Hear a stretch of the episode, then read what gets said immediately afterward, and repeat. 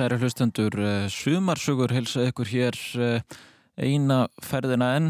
Það er 19. júli, sunnudagur. Ég heiti Jakob Byrkisson og er þáttastjórnandi. Eh, það er alveg stórbrotin þáttur í vendum að ég held. Ég held ég fara algjörlega með rétt mál þegar ég segi það vegna þess að engin annar en Árni Vil verður hér í fyrsta viðtælunu svona, já, bara rétt upp úr eitt uh, og ég er spenntur að tala við hann. Uh, ég ætla svona að reyna aðeins að uh, spyrja hann út í já hljómsveitafyrirlin, hann var náttúrulega FM Belfast, hann hefur verið í vinsalum leikópi sem heitir Kryðpleir og sem hefur meðal annars verið að gera skemmtileg útvarsleikrið hér á Rástvö og, og svona. Og maður langar aðeins að spyrja hann út í út í það allt og að sjálfsögur líka bara sumafríið og hvað hann hefur verið að fastu undafarið en síðan eh, svona um tvöleitið þá koma uh, bræður hingaði hljóðver.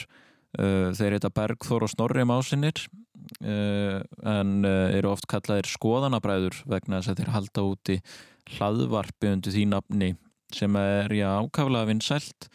Eitt vinsalasta hlaðvarblandsinn sem þessar myndir og ég ætla svona að gera rétt eins og þeir gera við eh, viðmælendu sína, ég ætla að krefja þá um skoðanir eh, ræða mm, sumarfríin þeirra við þá og, og bara svolítið að sjá hvert eh, spjalluminn leið okkur. En ég ætla að byrja á því að spila lag eftir fyrsta gæstinn sem kemur einhvað eftir, hann Árna Vil. Þetta er The Hitchhiker's Ride to the Pharmacy. To rearrange my time so fits your schedule.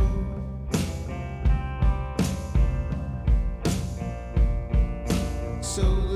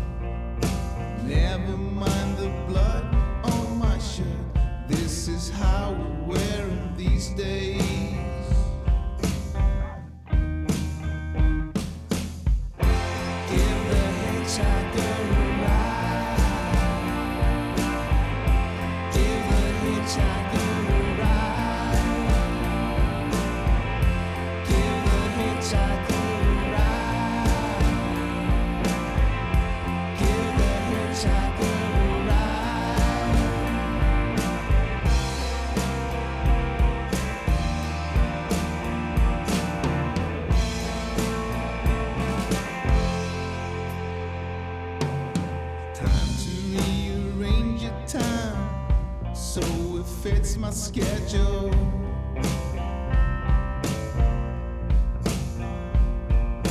Pop a can of soda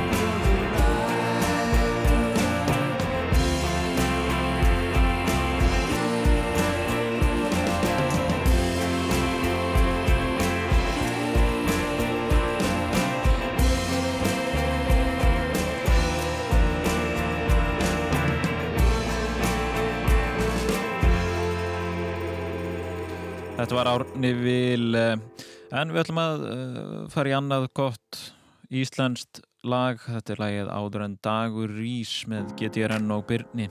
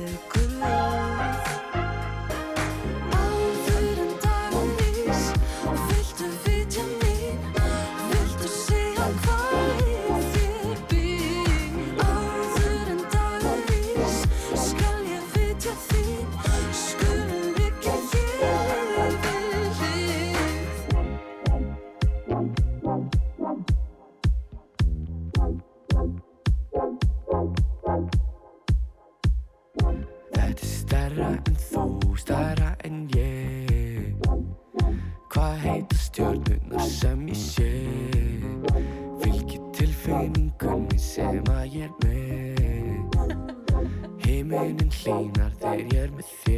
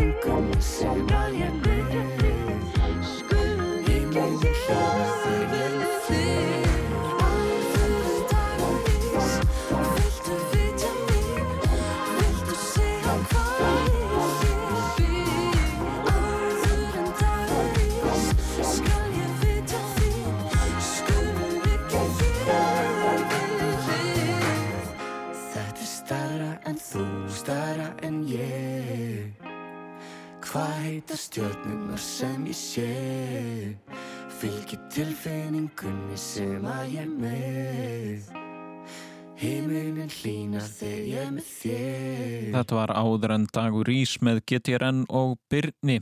Hinga til mín kemur á eftir í hljóðver Árni Vil en síðan koma bræðinir Bergþór og Snorri í másinir. En þanga til er það bara ABBA SOS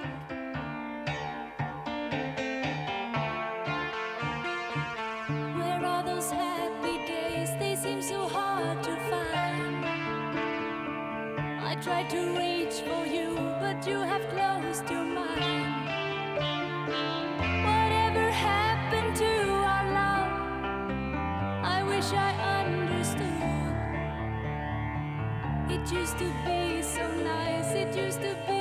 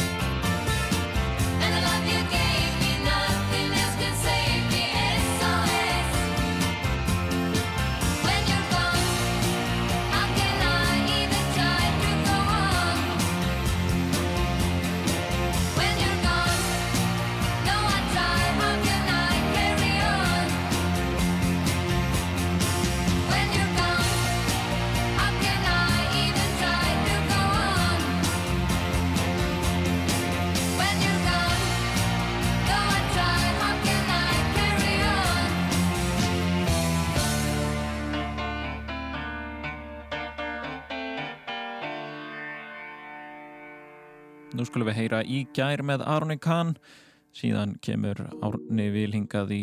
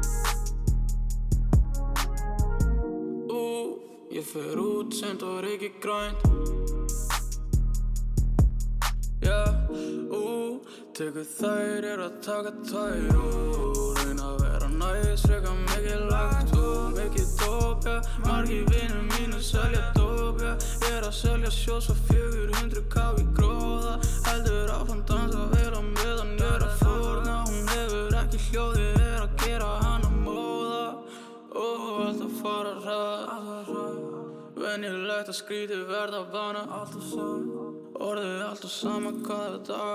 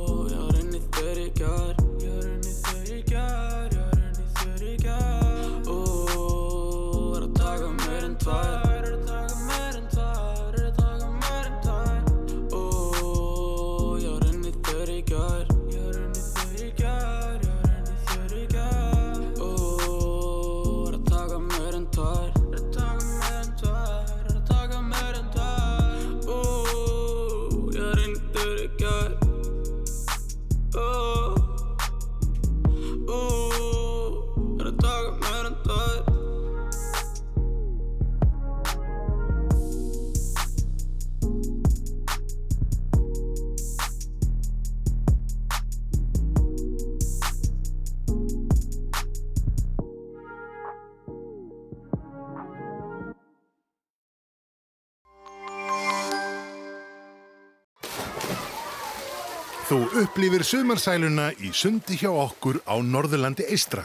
Skeltu þér í sund. Sundlaugin á laugum í Reykjadal Þingaðsveit, sundlaugin Þórsöp og sundlaugin Þelamörk. Þú finnur allar laugar landsins á sundlaugar.is. Lautarferði við þeim. Siglum daglega.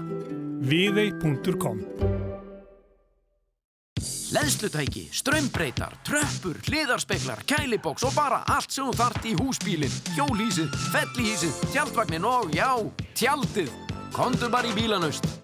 Ætlar þú að ferðast innanlands í sumars? Þá er tilvalið að heimsækja býtla bæinn fræga. Reykjanesbær býður upp á kraftmikla menningu og fjölbreyta aftreyingu þar sem allir finna eitthvað við sitt hæfi. Kíkt í heimsók og njóttu sumarsins í Reykjanesbæ. Hann neldi sönregin alveg á mígandi strippi. Ó, það er svo gaman. Veiðiflugur, langholtsvegi. Það er alltaf rétti tíminn til að eignast vandaðan heitan pott á hagstæðu verði. normex.is Vöflur í viðeigjastofu. Siglum daglega. Viðeig.com Krónuhjólið verður á Reykjavík Street Food um helgina. Krónan. Útsalan er í fullum gangi. IKEA. Fiskur og fólk, skemmtileg síning í sjóminasafninu í Reykjavík. Nú er 20% afsláttur af Gjökó viðarvörn og inni og útímálingu á útsölunni í Bíkó.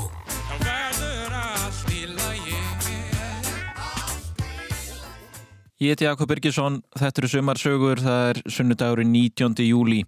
Uh, Hinga til mér í hljóðver er komin uh, Árni Vilhjómsson, listamæður. Já, hann er nú yfirleitt bara kallaður Árni Vil. Vertu velkomin. Takk hjá fyrir. Hvernig hefur það? Bara alveg þokkalegt sko. Það er ekki bara. Ég alltaf svona ósofinn kannski og hérna, en bara get ekki kvarta sko. Emmitt, ég skil það bara vel. Við kvartum ekki hér. Alls ekki, eða, veist, það er smá svona þoka í haustum á mér. Einmitt. En þú veist, þetta er svona hægur Já. En bara freka góður samt sko. Bara góður að því. Uh, Ætlaður er alltaf að verða listamæður Vá, það er stórt er spurt. Um, Ég veit það ekki alveg. Uh, Ég hef verið svona eins og, eins og dálítið svona villur áandi hundur bara meira og minna allt mitt líf sko. Já. Hvernig, hvernig byrjaði þetta þú veist uh, hva, hvenar byrjaður að fykta við listina eitthvað sko, og hvernig list, ég menna, var, varst að byrjaður strax í tónlistinni eða varst að teikna? Ætli þetta hafi ekki bara byrjað e, daldið í MH mm. eins og oft við gerast Já. hérna e, ég og Birgir Íslu Gunnarsson félagi minn, e, við vorum svona í því að stopna hljómsveitir og tókum fyrst þátt í Óðriki Algöla uh, með hljómsveitir í Motherfuckers in the House Já. og uh, Birgir enda var ekki að fullu með þá en hann reynda fann upp á nafninu á hljómsveitinni og þetta átti að vera svona þetta var svona mentaskóla flip þú veist, bara svona við að gera hip-hop svona rap og, og, og svona ætluðum að gera eitthvað svona grína því en sem var þetta svona alvarlegt og óvart mm. Og ánum við sem að voru farin að tróða upp á, á stóra síðan 17. júni sem var kvimleitt fyrir okkur að því að allir textinni voru svona, svona OPC og, og það var svona grínið sko. En ég er ekkert við sem allir að þið fatta það. Þannig að ég, það er eins og oft vill verða svona í mentaskólum að þá verður, já, enga húmór eða vinahópa húmór oft dalgið sérstakur. Nákvæmlega og, og þetta var allt hérna komið á stort svið á 17. júni Já, nákvæmlega og hérna, ég held að það hafi verið svona hámark há, svona tindur þessari hljómsveitar Hvaða hvað ár er þetta svona cirka? Hvernig ertu MH? Uh, ég byrja í MH 96 96, einmitt Þannig að þú ert þarna, já, rétt fyrir aldamátin já. að tróðu upp á stóra sviðinu við verða hvar? Hvar, bara í Reykjavík? Eða? Uh, já, þetta var bara við Arnarhól sko hvernig, hvernig þróaðist þetta að þið var allir komin að þángað? Ég bara veit það ekki uh, hérna, En við vorum bara mjög ánæði með þetta því að veist, bara mentaskóla flip sem, sem endar þarna, á þessu stóra sviði er, lítur að vera gott flip sko. en hérna Hvað færðu síðan að gera? Ég meina, þú, ok, þú, þú byrjar þarna svolítið svona kynast í að vera á sviði og eitthvað svona Já Uh, ert í MH, klárar MH eða hvað færði að gera? Það var nefnilega alltaf svona sko, laung ganga. Ég svona, hérna, var eitthvað svona flakkand á milli þess að vera á félagsfæðibraut og náttúrfæðibraut og, hérna, og var aðla bara alltaf svona kvíðinn og, og, og þunglindur úrlingur með drikkjuvandamál Já, einmitt og hérna og skildi rauninni ekkert hvað var að mér sko. Og hérna átti erfitt með að fylgjast með tímum og erfitt bara með að sitja kyrr og, og hérna uh, og er síðan svona reyna einhvern veginn að bjarga sig fyrir hotn þú veist, ég er að falla á mætingu og og hérna já, ég skilir hérna ekkert hvað ég var að gera í, í svona, svona fjölbreytaskóla af því að hérna bara, þú veist, ég var það kátískur og óskipið það er að, veist, það var mjög undarlegt að ég var eitthvað að reyna að tjastla saman minni eigin stundatöflu sko. um mitt, fellur þú þá þarna úr amhá og uh, já, ég er svona uh, flostnaðins upp úr þessu sko og hérna, en, en, en ég er alltaf svona að reyna, þú veist, að fara aftur í kvöldskóla og mm. svona vinna, vinna með því og eitthvað svona Einmitt. og hérna en síðan kláraði henni reynda stúdinspróf bara núna í, í fyrra. Já, til að mikið með það. Takk fyrir það. Og hvað ertu gammal núna? Ég er færtur Já, já, en ég meina það er aldrei seint. Það er aldrei seint að klára stúdendin sko. Nei, einmitt. En ok, þú, hvað ert að vinna þarna þá? Þú, þú sem sagt uh, þú ert svona eitthvað að stúsast í þessu að reyna að klára námið og það er eitthvað svona fyrir fórgörðum uh, hvað ert að vinna þarna þessum tíma? Sko, ég man alltaf eftir einni svona sumarvinnu sem ég var með sko, hérna þegar ég var í MH mm. og það var hérna upp á velli, beysið upp á velli Já. og þá fekk ég vinnu hjá Icepack sem var svona búslóa flutningafyrirtæki á kemlaðið flugulli og varst að flytja búslóðir. Já, ég var ekki bara að flytja þér, ég var að pakka þeim líka sko. Og já, og fólk var kannski að fara uh, utan. Þetta var fyrir kanan, sko, þetta var fyrir hermennina. Já. Þannig að hermenninir sem komið hérna árið 1940 eða eitthvað slegis og, og voru hérna langt fram eftir öllu yfir kaldastríðið og, og eitthvað svona. Ætli ég, já, ég ætli að ekki byrja að vinna fljóðlega eftir kaldastríð Þannig að þú ert að, að flytja búslaður amerískra hermana Já, því að sko þeir fengur alltaf, alltaf, alltaf hvert beis er styrt af einhverju ríkulegur upphæð hverju ári og ég held að, veist að hérna, þeir þurftu bara að nota alla þá peningar sem þeir fengur til þess að lækki ekki styrkjum Hvernig, var, hvernig fannst þér þetta starf? Þetta starf? Uh, bara mjög undarlegt starf sko. Átti þetta vel við þig? Já, það er enda sko uh, finnst mjög skemmtilegt að, að handlanga, þú veist, að vera í svona, svona veist, langri, langri röð með kassa, þú veist, sérstaklega ef allir eru til í handlangið mm. Þá er svona hluti af einhverju keðju Já, nákvæmlega, einhver svona keðja bara sem virkar og maður þarf ekki að hugsa mikið mm. en hérna það sem ákveðs í undarlegast við þessa vinnu var það að hérna að maður sko, maður fekk að fara í gegnum allt dótið hjá fólkinu sko mm. og fólk var svona búið að ganga misvel frá svona personlegu munum mm. þannig að ofta tíðum var maður bara, þú veist, að fara í gegnum eitthvað svona, þú veist uh, hjálpatækja kynlífshjálpatækja sapn, þú veist, og setja það á henni í kassa og, og einhverjar, svona, einhverjar myndir, mjög personlegar myndir. Og þetta er alltaf líka fyrir tíma social media þú veist, það sem að, voyeurismin var ekki orðin svona norm, sko, þannig að maður fannst þetta mjög bara undarlegt einhvern veginn að vera að fara svona í gegnum eigur fólks. Og setja hann í kassa. Þannig að þú var svolítið inn í engalífi einhverja hermana Já, maður var alveg mjög djúft í, í, í, í því sko og hérna en þú veist það kom líka margt gott út úr þessu eins og maður gæti kefta þeim áfengi. Þú veist þeir seldu, mm. seldu kannski áfengispyrðin sem er eitthvað ódýrt. Um og síðan fekk maður líka laun hérna, alltaf vikulega. Sem er reynda að gera það verkum að maður áttu ofta ekki mikið pening eftir lóksins þegar það kom að útborgunar eða þess að um mánaðamót sko. Já, þú eittir þessu bara jafnóðum Já, í rauninni sko. Mm. þannig að maður var bara á, veist, meira og minna kannski bara á, á djamminu og, og hérna. Já, og uh, þú ert þarna að djamma mikið og vinna.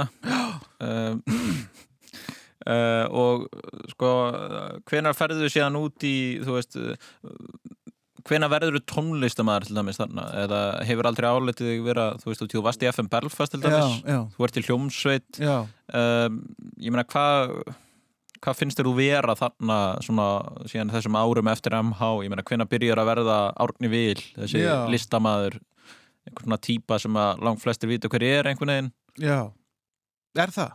Já, þú veist, ég, allavega í mínum kreðsum, skilur, ég Já, get já. ekki, Einmitt. ég get ekki tala fyrir all landið, sko, Nei, nei. sjálfsögðu ekki. Sko, þetta gerist þannig að í kynningsins átnarúnari árið 2001 Mm. og hérna og við verðum bara miklu vinnir og, og hann er, hann er mikið, mjög mikið að gera tónlist og er svona pródusent og síðan svona, þú veist, nokkrum árum eftir, já, við, við prófum að gera alls konar einhver lög saman og, og hérna, spiliðum meðal annars og við árið 2005 sem var svona allir það hefði ekki verið einhver svona vendipunktur að koma fram þar á, innó Já, og síðan er hann og Lóa farin að uh, grúska í, í, í, í tónlist líka og, og úrverður FM Belfast. Um mitt, og þau eru, þau eru hjón Já. og eru þarna í FM Belfast, Já. þau eru byrjað að grúska. Já, og, og síðan hérna gerist það að, að þau spiluðu saman live minnum einhvern mann í færi og fannst það ganga rosalega illa Mm. og fljótlega eftir það að þá, þá byrjuðu byrjuðu, fenguðu fleiri í hljómsveitina og, og þa- þar á meðal mig Já, var það ekki þannig svolítið að þau voru með svona nokkuð góða tónli sem að þau vakið einhverja lukku á internetinu en þau vantaði eitthvað svona til þess að bæta uh, sviðsperformance Jú. og það var kallað Járna Vel. Já. Af hverju var það? Það verið svona mikla reynslu eftir 17. júni nei, það, þetta var nú kannski ekki alveg svona meðvitað sko. þetta bara svona æxlaðist svona sko. Mm.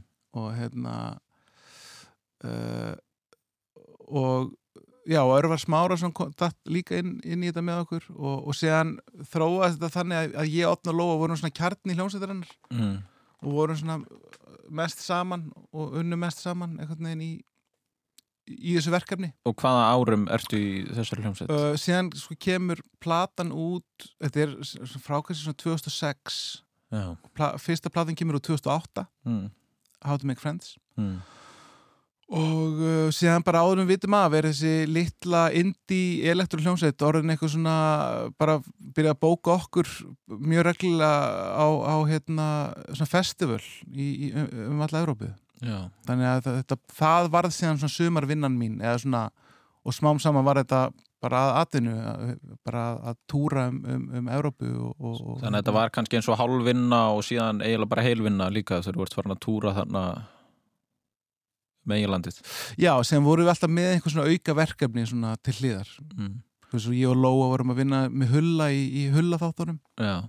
skrifum með honum Hugleiki dagsinni. hullegi dagsinni, handritinn og, og, og, og, töluðum inn á það líka En, já, en hvernig var samt, hvernig, hvernig leiði með að vera allt einu orðin bara tónlistamæður, þú veist, í hljómsveit og túrum Evrópu, hvernig, hvernig fer það eiginlega fram? Hvernig er að, Sko, það er náttúrulega mjög skemmtilegt að vera í hljómsveitir svo FM Belfast Mm. mm. sem að bara allt snýst um það bara að, að, að keira áfram á einhverju bara svona góðri orku og, og gleðja fólk mm, en það getur líka verið með þreytnandi sérstaklega ef maður er ekki í, í þannig gýr sko. mhm, þú veist að vera þá, bara samt alltaf að delivera þessari gleðu sprengju sem það var kannski fyrir hlustendur sem þekki ekki nákvæmlega FM Belfast, þá er þetta svona raf, indie, pop, uh, sviðsparti hljómsveit, eða ekki? Hvað? Jú. Ekki, þetta, þetta snýst mjög mikið um að ná upp góðuri stemning og tónleikum, Já. fólk dansar Mhm. stanslaust að meðan tónleikunir eru. Já. Já. En ég meina, hver, þú veist, uh, var mikið jam eða hvað, hvernig var þetta? Nei, ég, það var bara mjög lítið jam sko. Bara, við vorum öll meira og minna bara edru og, og hérna Og þú varst þá hættur að drekka þarna eða hvað eftir öll þessi MH ár? Já, ég hætti 2001 Já. Hvað, hvað varst það á gammal? 21 árs Já, þannig að þú hætti bara á, á mínum aldri Já. og, og var það erfitt eða? um, Nei, það var bara fekar svona auðvelt fannst mér sko Já. Og svona bara röggrætt framhald Já. Þú veist, ég var búin að vera þarna í einhverju svona einhverju existensalískri krísu sem úrlingur og hérna og skildi ekki hvert líf mitt var að stefna og, hérna og það var bara fínt að taka allan áfengi út úr jöfninni Einmitt. og það var allt bara miklu skýrar og auðveldara og einfaldara sko En eins og þarna 2008 kannski cirka Já. þá eru þið búin að gefa út plötu sem FM Belfast Þeir eru farin að túra Evrópu, er lífi orðið eitthvað skýrar á þá? Er, er stefnan skýr? Já, já, eða þú veist, þetta var samt einhvern veginn að því þetta, þetta ægslaðist bara svona, bara allt í hennu voru við bara orðin einhvern veginn svona bara á fullu í þessari hljómsveit og þú veist, og það var ekkert endilega planið hjá öllum sko og hérna og það hafði bara svona sína kost og galla sko, þú veist, bæði bara ógustlega gaman að taka þátt í einhverju svona verkefni mm. og hérna, sjá það að vaksa og, og, og, veist, maður er líka bara, bara forréttind að vera bara með vini sinum eitthvað að leika sér og fá greitt fyrir það. En hérna en síðan svona þú veist þegar maður veist, þegar fór að síða og setja hlutum þá fór maður svona að spyrja veist, hvað, hvað vil ég raunverulega gera? Er þetta sem ég vil veist, ætla ég nota allan minn tíma í þetta eða vil ég kannski eiga mögulega að gera eitthvað annað? Nefnitt, og, og, Þetta var kannski ekki búið að vera skýr stefni á því að vera í vinsalli hljómsveit og túra Evrópu Ekkit endilega sko. Nei. og þú veist, það var ekkit endilega ekki stefnan það var ekkit endilega en, en hérna já eins og ég segi, það var bara ægslast að þannig og, og hérna og þú veist, það er engin, engin eftirsjá eða það var bara ótt að skemmtilega tímabil. Um mitt og hérna og hvað varst að gera meðfram þessu síðan? Og þú sagði að það verið einhverju þú varst með hugleiki þarna að gera þættina hans. Já. Og... uh, já, síðan, síðan sko fljóðla sko upp á 2013 þá fór ég að vinna með kryðpleri já, einmitt. Með Fríðger Einarsinni og Ragnar Íslið Bragarsinni og, og Bjarni Jónssoni hmm. og það kannski hafði líka áhrif á, veist, ég var farin að fara meira og meira inn í svona sviðslistir með þeim Já. og við vorum gerðum nokkra síningar og erum að gera síningar enn en, en þann það í dag Og hvað kallaði ykkur sviðslistahóp eða leikhóp? Já, bara le, já, leikhópur eða sviðslistahópur hmm. og, og, Bæði gengur alveg upp sko. og hvernig byrjaði það, æfintýri?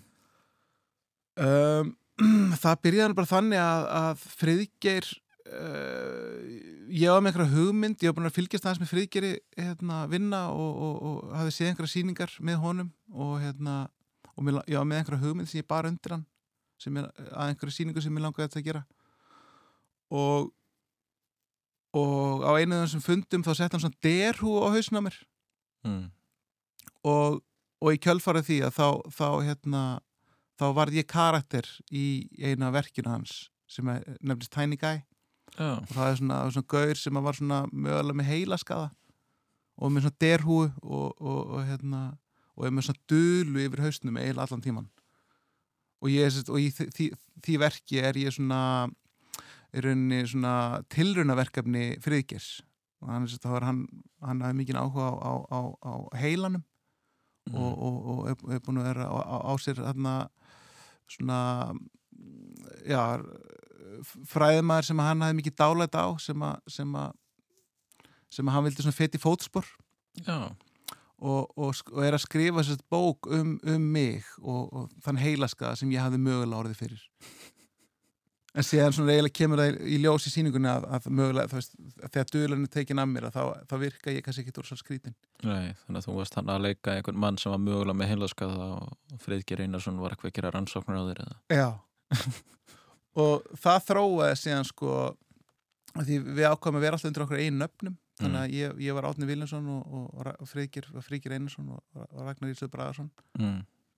sem Ragnar Ísluður Bragarsson Einmitt. og hérna og inna, þannig að tók smá tíma kannski fyrir að, að því ég átti að vera með heilaskaði í fyrstu síningunni það tók smá tíma svona átt að sjá því og finna út því hvers, hvernig, hvers slags karakter ég ætti að vera svona, svona í framhaldinu sko. mm. séðan bara, þú veist, ægslaðist það sko, það bara svona þróaðist og og eh, en getur það vel verið að ég sé með heilaska, ég bara veit það ekki sko. Æ, mitt, en, en sko hvernig ákveði þetta að þeir eru að gera leikverk og eitthvað en þeir eru alltaf með eigin nöfn eða þess að þið notið ykkur eigin nöfn já. Já, já.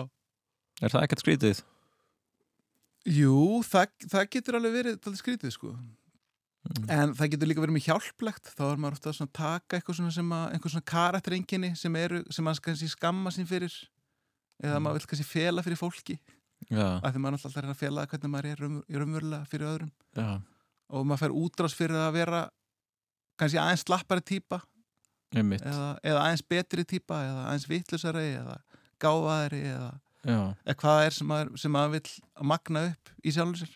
Þetta var einmitt sko eins og ég hlusti á jóraleikriti eitthvað sem var rást tvö hérna í fyrra eða ekki Mm. litlu jólin, þá eru þið mitt þið sjálfur og þið eru að halda jólin og allt þetta og það er svona ímislegt í gangi og maður er alveg var við alls konar kvíða og meðvirkni og, og þess áttar ég meina, eru þið þá að nota sjálfu ykkur og magna upp eitthvað tilfinningar og enginni eða?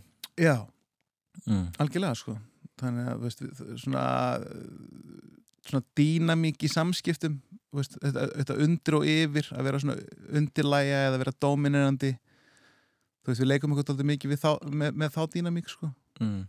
Og, og hvað, hvað byrtist fólki í, í þessum leikrutum sem þú hefur annars verið að fylga? Hvað séu, hvar byrtist það? Nei, hvað byrtist skilur hjá þér til dæmis í þessum leikrutum sem þú svona kannski annars ert að fylga? Uh, það er svona, þú veist, ég kannski, þú veist, já, til að vera alltaf svona utan við mig og ekki með á nótunum og kannski alltaf svona kærulaus. Mm. Það er alveg, veist, ég er það ekkert alltaf, en það er svona, er alveg svona eitthvað svona partur af mér sem, að, sem ég kannski verið að díla við. Mitt. Og, og síðan svona, ég held að karakterinn minn spili sig ofta svona aðeins vittlur en, en, en hann er kannski raunverulega til þess að, að geta mitt fyrra sig ábyrð, sko. Mitt, já. og, og þá þurfa svona aðrir að taka skarið og, og, og gera eitthvað fyrir mig sem að ég bara nenni ekki að gera kannski Mitt, já. Þetta er svona eitthvað kvíði. já, alltaf einhver svona undirleikjandi kvíði sko. Mm ég er þetta komstæði um daginn að ég er ekkit með, endilega með undirleikjandi kvíða eða kvíða Nei, ég fór í langt svona sálfræði viðtalum daginn já.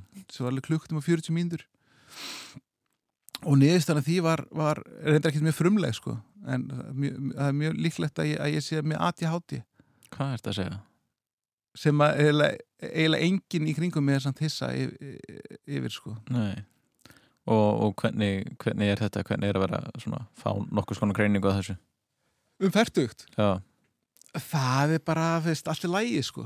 Just, ég veist um að ég fara eitthvað að ég muni eitthvað fara á einhver lif eða eitthvað leið sko. Nei, hvernig vinnur þú með þetta núna þú veist þú ert með ADHD? uh, ég reynir svona að að uh, kannski vera svona, bara svona reyna að vera í svona ró og reyna svona að það er mikið eftir mig að vera alltaf svona heimakær og svona rólegur og huglega og svoleiðis. Mm. Uh, en eigum við ekki að tempa okkur í eitt gott lag? Uh, mér langar nú að spila eitthvað með FM Belfast uh, hljómsveitinni sem þú varst í og við vorum að tala um. Já, Paravion. Mér líst vel á það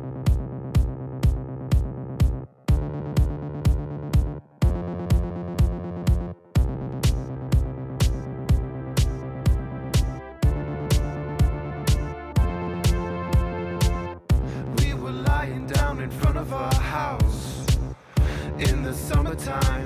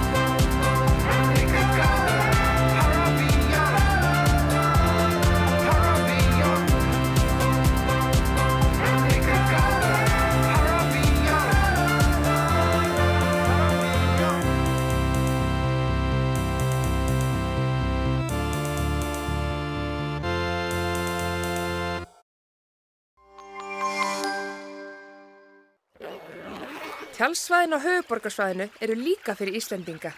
Veri velkomin. Tjálsvæðin viðstæðatún í Hafnafyrði, tjálsvæði lögadal, þú finnur okkur á tjalda.is.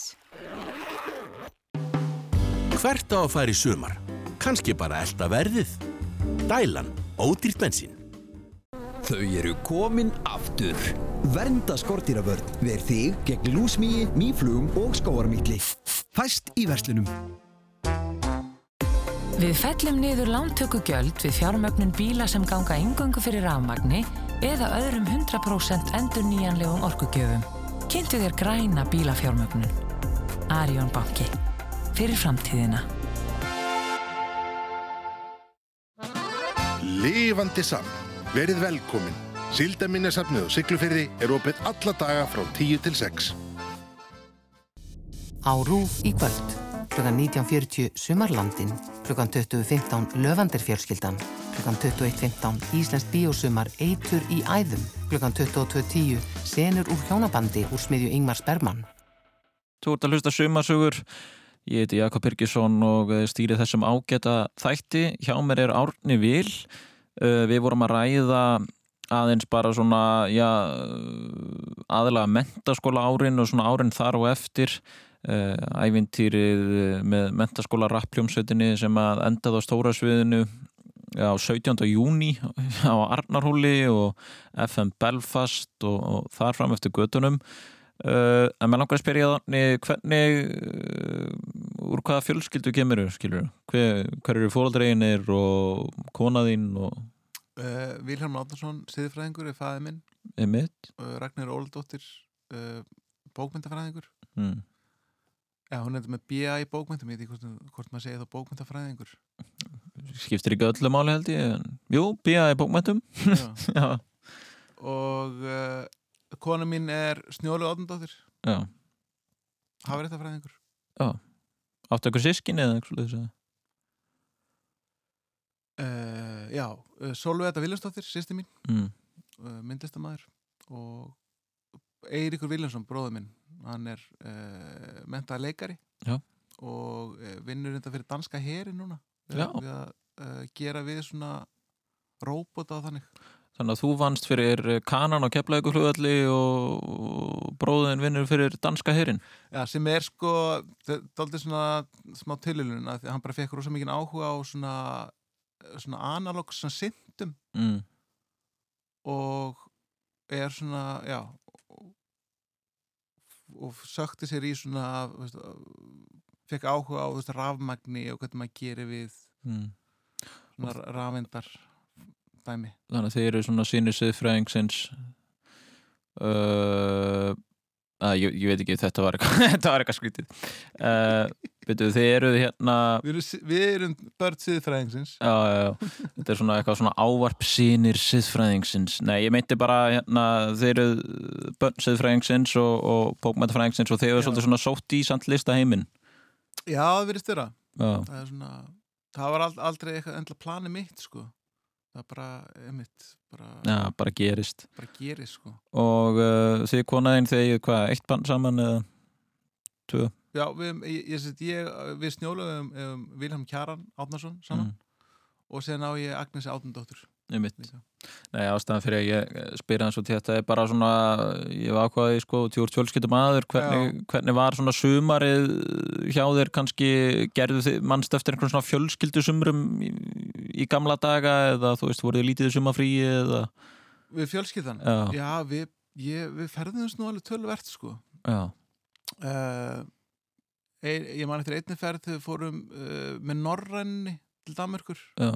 Við, með stuttu stoppi í, í, hérna, í færi Já, þannig að þið voru ekkert að fljúa, þið bara tókuð norrönuna frá hvaða segðins fyrir þá? Já Mm. og uh, já, það, það sem var kannski eftirminnast við það var að, að, pappi uh, tók með svona kúler Já. í Norræn og ég var, ég var mjög sjóvegur Mm. og hérna og uh, síðan var hann alltaf smýrið eitthvað svona nesti úr kúlernum Mm. og hérna vildi nýta þetta svona það sem við áttum heima og svo það fær ekki til spillis. Já, svona nýtin. Hann var mjög nýtinn sko. Og, og var, það var svona skemmtur kamubert í kúlernum sem að setti þetta svona strik í reikningin og, og litla káati sem vorum í hún ángaði af svona mikluðum kambertosti, það sem eftir var ferðarinn sem var ekki á sko sjóveikina bætandi. Nei, og varstu þá að kastu upp þannig norðan eða leiði bara hræðilega? mér leiði bara hræðilega sko Bara versta ferð sem ég farið í sko. Já, það Já. en síðan var bara mjög gaman í Danmörku skilur það, var bara, það var bara fínt. Og- og- keirum, keirum Danmörku. Ok, skemmtilegt. Hvernig hvernig svona en er þetta hjá þér núna, hvernig hagar þú summafríinu þínu? uh, við erum bara eh, bara kíkjum aðeins í bústa hérna á, á s- rétt fyrir þetta Selfoss Já. við erum aðeins verið að gera það en síðan er bara að vera framkantir heima í eldhúsinu, þannig að við erum, ekkit við, að, við erum bara verið á léttum sem vergangi Já, hvað er það bara ditt upp eldhúsið það? Já. Hmm. Svona þeir eru á vergangi og, og eru þá ekkert mikið svona þú veist bara sofið lítið og Já, við erum bara að sofa lítið og, og, og, reyna að gera best úr hlutunum sko. mm er mitt um, en uh, þú hérna þú klárar þetta tímabilið þitt með FM Belfast hvað 2013 cirka eða eitthvað eða ekki? Jú, ætli ég hætti ekki 2014 Já, Mm. tók síðasta giggið á Airways 2014 Mm.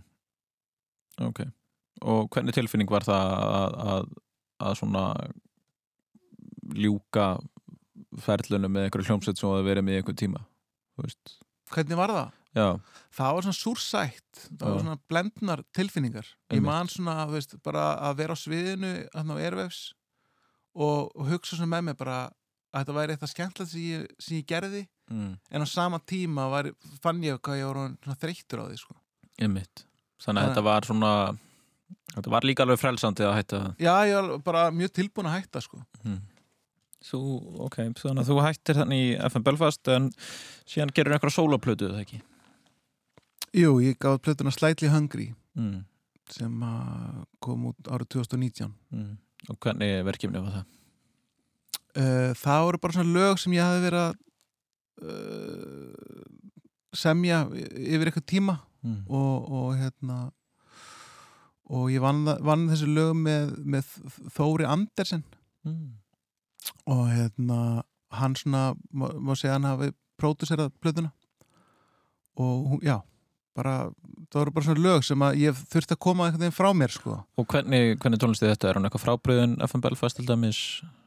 Já, hún er alveg tölvert mikið frábriðin FM Belfast Já.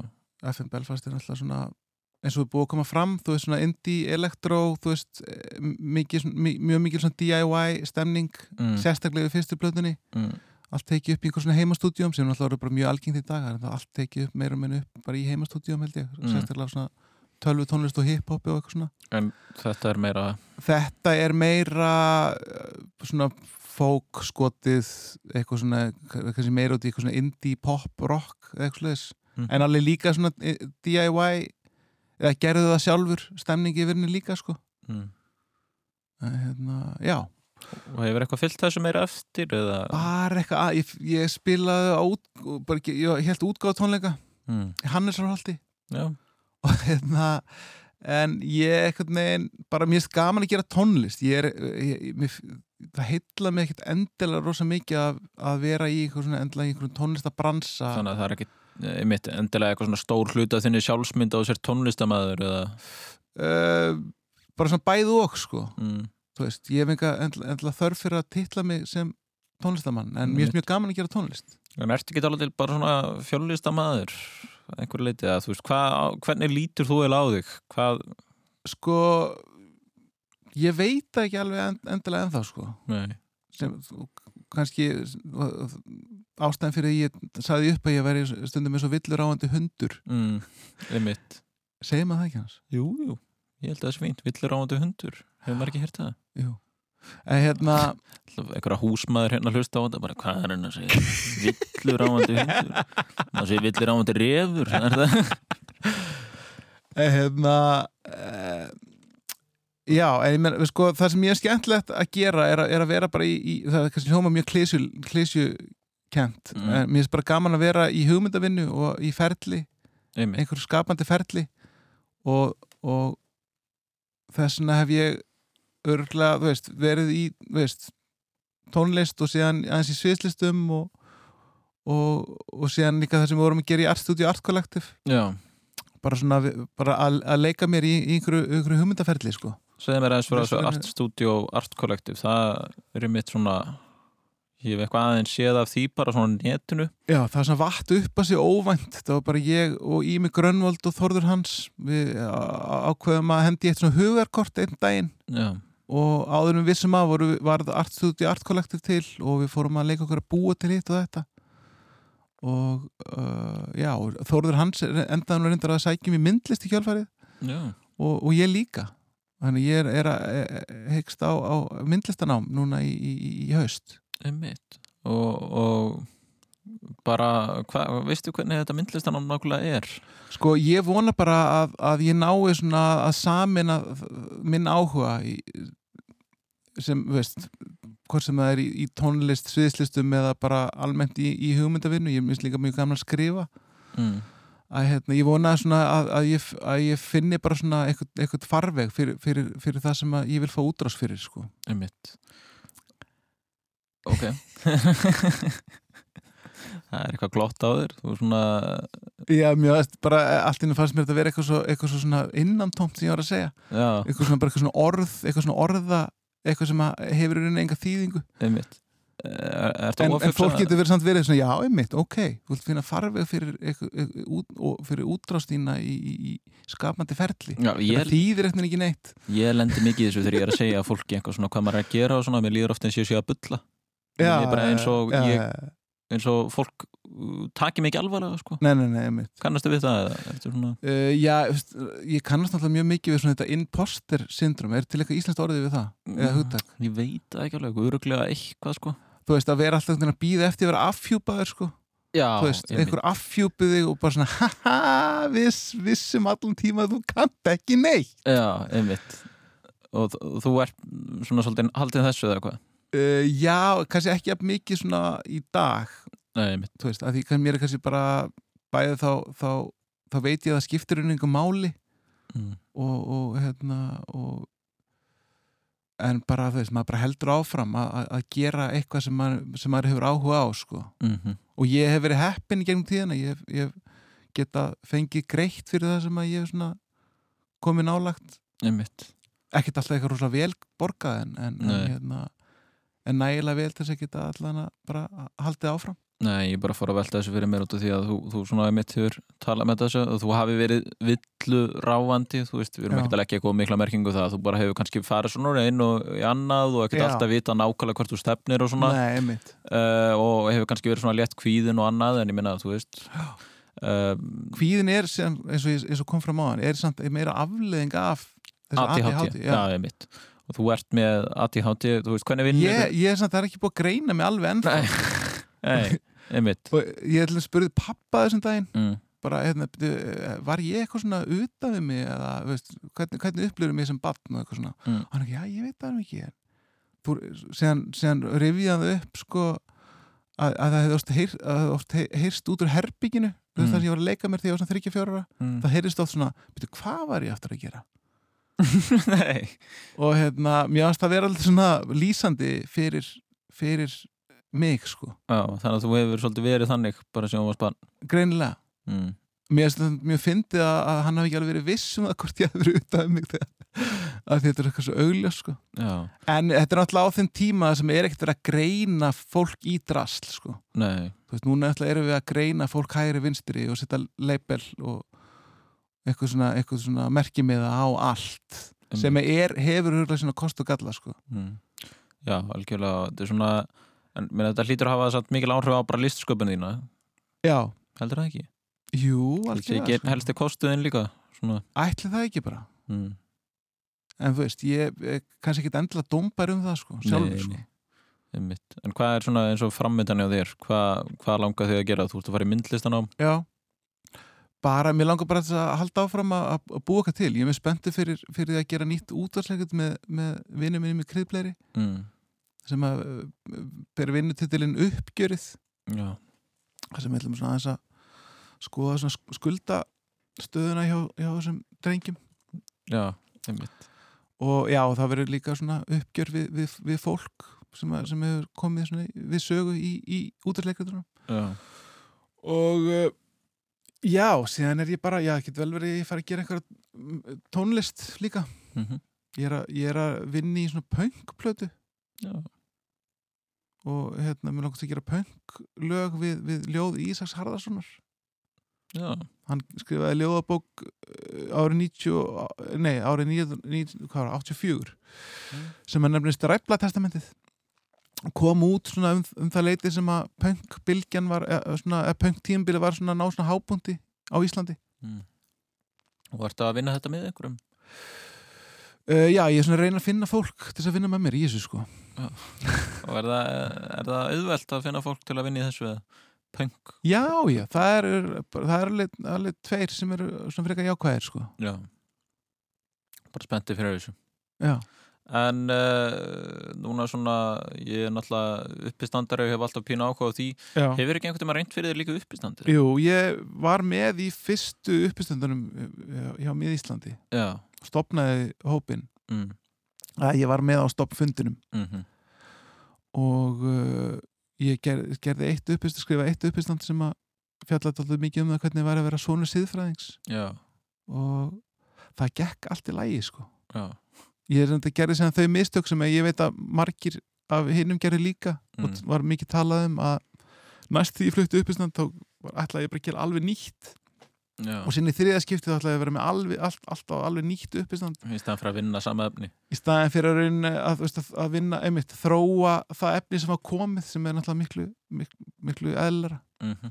Já, við bara vissum ekkert hvað við vorum að gera við bara gera eitthvað sko. Mér finnst bara oft eh, þegar þú hefur búist í tal einhver staðar sko þá einmitt, þá verðist það að hafa verið á mjög mörgum stöðum Já. þú veist einmitt, já, já, nei, nei hann, hann var nú þannig mið Ísland eitthvað alveg í byrjun skilur, þetta er einhvern veginn þú veist er eitthvað meira svona sem þú, sem þú situr á sem, uh, ég veit það ekki Nei. ekki sem fljótu bræðið sko. nei en þannig að kreðpleir, þú veist, hvað verðið eitthvað meira á sviði líka já, við, að, við fengum styrk núna til þess að gera uh, handrit. Við, við erum að vinna í, í, í síningu sem að ber, sem vinnur til þiðlein hænufett. Mm. þar sem að uh, Ragnar Íslöðu Bragason hann, hann hérna hann langar til að gera svona vinnustæða fyrirlestur Mm. Sagt, hann langar til, til, að- til að semja fyrirlestur til þess að fara með inn á vinnustæði Já. út af svona tengt svona hérna uh, nattrætni hlínun Mm. en uh, ég veit ekki hvert við fyrir með þetta það, getur vel verið að það breytist mjög mikið Já, þetta þetta er bara- kannski eitthvað best, hottest topic Þetta er svona sköpunarferðli eitthvað Já. mm. Og þú ert mikið í þeim ég er mikið í því Já Lífið þetta er eitt stórt uh, sköpunarferðli eða ekki? Ég hef einnig að segja það sko. Mm. bara svona, þú veist, það er bara eitt stórt sköpunarferðli bara að að fara á fætur á mótnana sko. Já. Ég vil ekki bara láta það vera lokorðin í þessu viðtali Arni Vil Endilega. Og ertu með eitthvað lag sem að þið langar að heyra hér undir lokin? Já, við ekki bara hlusta á Andís Tjest með Lúrít Mér líst vel á það. Takk hérlega fyrir komin átni uh, Hér rétt handa við honnin eru þeir Bergþór og Snorri Másinir uh, eða skoðanabræður eins og þeir kalla sig. If I could be anything in the world that flew, I would be a bat and come swooping after you. And if the last time you were here, things were a bit askew, well, you know what happens after dark. When rattlesnakes lose their skins and their hearts, and all the missionaries lose their bark. Oh, all the trees are calling after you, and all the venom snipers after you. Are all the mountains bolder after you? If I could be any one of the things in this world that bite, Instead of a dented ocelot on a leash, I'd rather be a kite and be tied to the end of your string and flying in the air, babe, at night. Cause you know what they say about honey bears. When you shave off all their baby hair, you have a hairy minded pink bear bear. And all the bells are rolling out for you. And stones are all erupting out for you. And all the cheap blood suckers are flying after you. Yesterday, Daisy May and Biff were grooving on the street. And just like in a movie, her hands became her feet. Her belly button was her mouth, which meant she tasted what she'd speak. Woo! But the funny thing is, what happened to her nose? Ooh, it grew until it reached all of her toes. People say her feet smell, they mean her nose. And curtains laced with diamonds dear for you.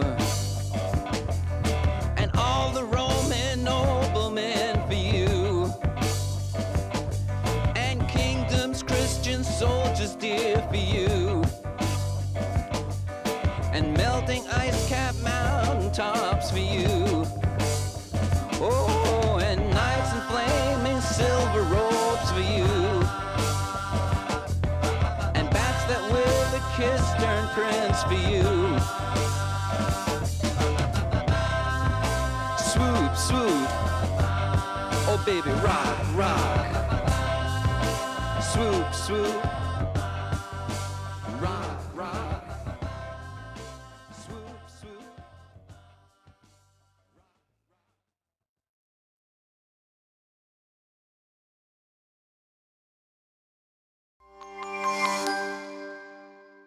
Það eru kannski margir fiskar í sjónum en það er bara einn viðar á pallin. Sliffélagið. Við höfum málað með Íslandingum í meirinn 115 ár. Þú upplifir sömarsæluna í sundi hjá okkur á höfuborgarsvæðinu. Skellt þér í sund. Varmárlaug Moselsbæ, Vestubæjarlaug og Ílströndin Nautólsvík. Þú finnur allar laugar landsins á sundlaugar.is. Kæri hlustandi, ef þú heyrir þetta, til hamingu, þú ert með Eyru. Eyru eru mikilvægt fyrsta skref til þess að geta notið Storytel. Þau framkalla hroll og gæsahúð beint í hug og hjarta. Hafðu Eyrun opinn, prófaðu Storytel frítt í 14 daga. Storytel. Mjúkís með söðrætti límónu er sumarísin í ár. Kjörís. Regluvörðurinn er mættur á nýjan leik. Spreyttu þig á golfreglunum á golf.vörður.is og þú gætir unnið glæsilega vinninga. Vörður. Hæ, ég Van Hansen og Friðrik Ómar hér. Sveitalífstúrun okkar heimsækir Selfissinga í kvöld. Já, við verðum á Hótel Selfoss í kvöld og hefjast tónleikarnir á slæginu átta. Miðasala tix.is og við ingangið. Frábær kvöldstund. Sjáumst. Útsala. Alltaf 60% afsláttur. Vörur sem ebla heilsu, auka lífsgæði, auðvelda störf og daglegt líf. Eirberg Stórhöfða, Eirberg Kringlunni. Þú finnur klárlega eitthvað fyrir þig á útsölun í Bíkó. Til dæmis sláttuvélar, grill, viðarvörn og garðhúsgögn. Bíkó.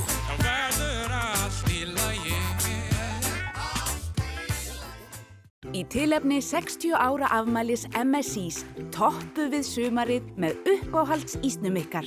Við pökkuðum ómótstæðilegum og brakandi netutoppi í boks. Til hamingju með daginn og munið MSIs í umhverfisvætni umbúðum. MSIs. Sjáumst á götu bita hátíðinni á miðbakkanum um helgina. Sumarið er þitt með símanum og Reykjavík Street Food.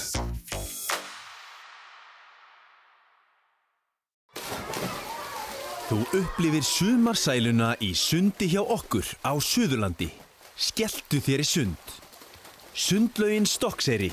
Sundhöll Selfoss. Sundlaugin Laugarskarði Hveragerði. Sundlaugin Þorlóksöpp og Sundlaugin Laugalandi. Þú finnur allar laugar landsins á sundlaugar.is. Hvaða ár gaus í heimaey? Taktu þátt í sumarkvissi Ólís og leistu út glaðninga á Ólístöðum um allt land í allt sumar. Vikulegir vinningar og enn glæsilegri lokavinningar í ágúst. Taktu þátt á ólís.is. Þú upplifir sumarsæluna í sundi hjá okkur á höfuborgarsvæðinu. Skelltu þér í sund. Sundhöll Reykjavíkur, Árbæjarlaug, Gravarvokslaug og Breiðholtslaug. Þú finnur allar laugar landsins á sundlaugar.is. Vissir þú að við hjá Báhás jöfnum verðið? Það þýðir að ef þú finnur sömu vöru og þú keftir hjá okkur ódýrari hjá seljanda hér á Íslandi, þá jöfnum við það verð. Svo einfalt er það. Báhás mikið úrval gæði og lágt verð alltaf.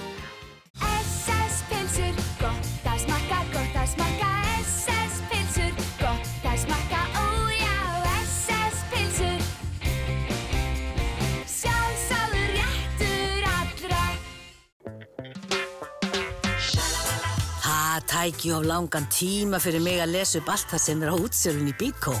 Þú getur skoðað það á bíkó.is.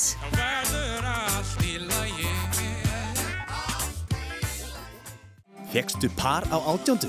Tökum annan ring. Korni. Ævintýralegur orkubiti í allt sumar. Rás 2 Fyrst og fremst.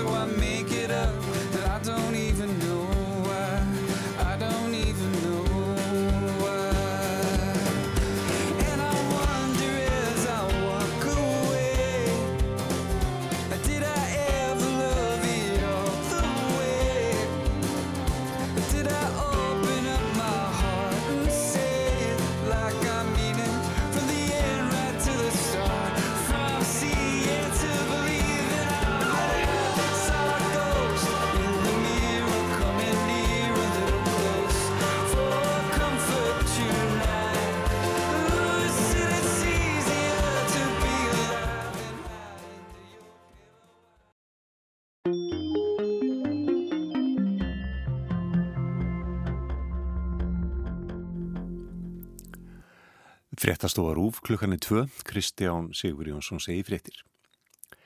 Yfir 8-10 eftirskjáltar hafa greinst við minni eigaferðar eftir stóran skjálta klukkan rétt rúmlega þrjú í nótt. Uppalega var talið að skjáltin hefði verið 4,7 stærð en frekari rannsóknir leitu í ljós að hann var 4,4. Skjáltin var 10 km norð-norðvestur af Gjögurtá við minni eigaferðar. Skjáltin í nótt er sá stæsti í skjáltarhinni frá 21. júni þegar skjálti að stærð 5,8 varð.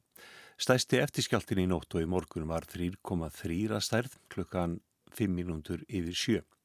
Jarðskjálta kerfi viðstofunar hefur staðsett rúmlega 14.000 skjálta í hinni sem staðið hefur yfir í mánuð. Nú er hægt að regna fyrir norðan en jörðið er mjög blöyt og því enn hægt á örskriðum. Engar tilkynningar hafa borist um grjótrunn eða skriður vegna jarðskjáltans í nótt. Verttæki á vegum vegagerðarinnar reynsæði siglufjara vegi í morgun. Þar hafði eitthvað grjóti fallið á vegin en ekkert umfram það sem eðlert geti talist. Gul veður viðvörun er í gildi á austfjörðum og á söð-austurlandi. Hún er vegna kvassrar norðvestanáttar sem getur náð 25 metrum á sekundu í kviðum. Kviður yfir 40 metra á sekundu mældust í Hamarsfyrði í morgun. Aldrei hafa fleiri greins með koronavirusmitt í heiminum á einun degi en í gær. Næri 260.000 greindust með COVID-19. Þetta er í fyrsta sinn sem fjöldi smita fer yfir 250.000 á sólarhing. Yfir 600.000 hafa dágur sjúkdónum og heldar fjöldi greindra smita nálgast nú 14,5 miljón. Af þeim hafa ríflega 8,6 miljónir náð sér aftur. Fréttalestri er lokið. Flugger, innanhús, utanhús og á palli. Flugger litir. Það eru frábærir golfvellir á Sigló og í Óló. Fjallabið fagnar þér og golfsettinu í sumar. Taktu þátt í Reykjavíkur Marathónu Íslandsbanka og styrtu gott málefni á hlaupastyrkur.is. Hlauftu, það borgar sig. Hefur þú lent í slísi? Áttu rétt á slísabótum? Tort, innheimta slísabóta. Bjarmanes á Skagaströnd, kaffihúsið við hafið. Skagaströnd fyrir kaffið og menninguna. Þú flýgur upp brekku, þú þýtur gegnum vind á glæ nýju rafhjóli. Farðu á ergo.is og kentu þér græn lán. Hagstaða fjármögnun fyrir vistvætni ferðamáta. Ert þú með eitthvað grænt í gangi? Ergo. Maja Málari var svo óheppinn að lenda í slisi. Maja fekk hjálp frá Fortis og því endaði saga hennar vel. Fortis fylgir þér alla leið. Upplifðu alls konar út um allt land með tveir fyrir einn hjá Nova. Fjórhjólaferðir, snjósleðaferðir, hestaferðir og fleiri ótrúleg tilbúð í Nova appinu. Nova, stærsti skemmtistaður í heimi.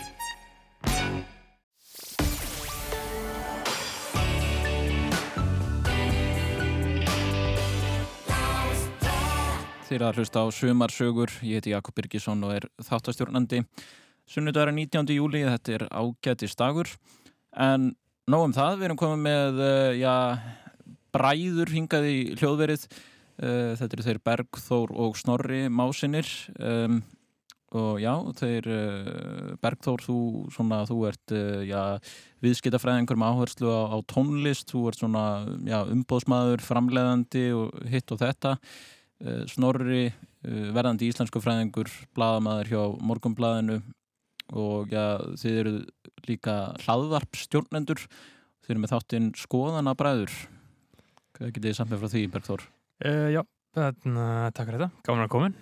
Komin í fyrsta sinn í Ríkisútvarpið. Þetta er mikill hefur mm. og Það er svolítið gott að þú sett tillaði viðskiptafræðingur. Mér finnst það svolítið er, já, ég, þetta er í fyrsta sinn sem ég hef verið tillaður Þetta er alltaf, þetta er fullkóla í takt við sannleikana, ekki? Já, svona næstu í, sko. Þú lærir það sem heitir eitthvað svona music management Já, eða já, eitthvað í eitthvað svona- Lundunarborg Eitthvað svona business, eitthvað svona uh, bull, jú, jú, maður læri það. Þarna, en skoðanabræður hvað getur maður sagt? Eh, Þetta er, uh, þetta, já þessi talað þú Já, já, hann, hann er vanur svona að grí- grípa fram í fyrir mér Já, svona almennt í ítlaðarpinu Mhm. þetta er sem sagt vikulegu þáttur uh, þá fáum við uh, einstakling Mhm. sem að við höfum áhuga á og viljum heyra frá Mhm. og krifjum hann um skoðanir það er kannski svona grunn konseptið Já. og þetta er hvernig einsta föstdag Mm. síðan annan hvern þriðudag þá erum við með svo hvernig skoðana bræðra lags þátt sem við erum með diggan hlustendahóp sem að heitir uh, skoðana bræðra lagið Mm. og til, til þess að hlusta þess ætti þá þarftu að vera áskrifandi á Patreon Já, því að farið svolítið nýjar leiðir í þessu svona þegar tekið þetta sem að er kannski aðeins meira út af Vestanhafs er það Mhm. ekki?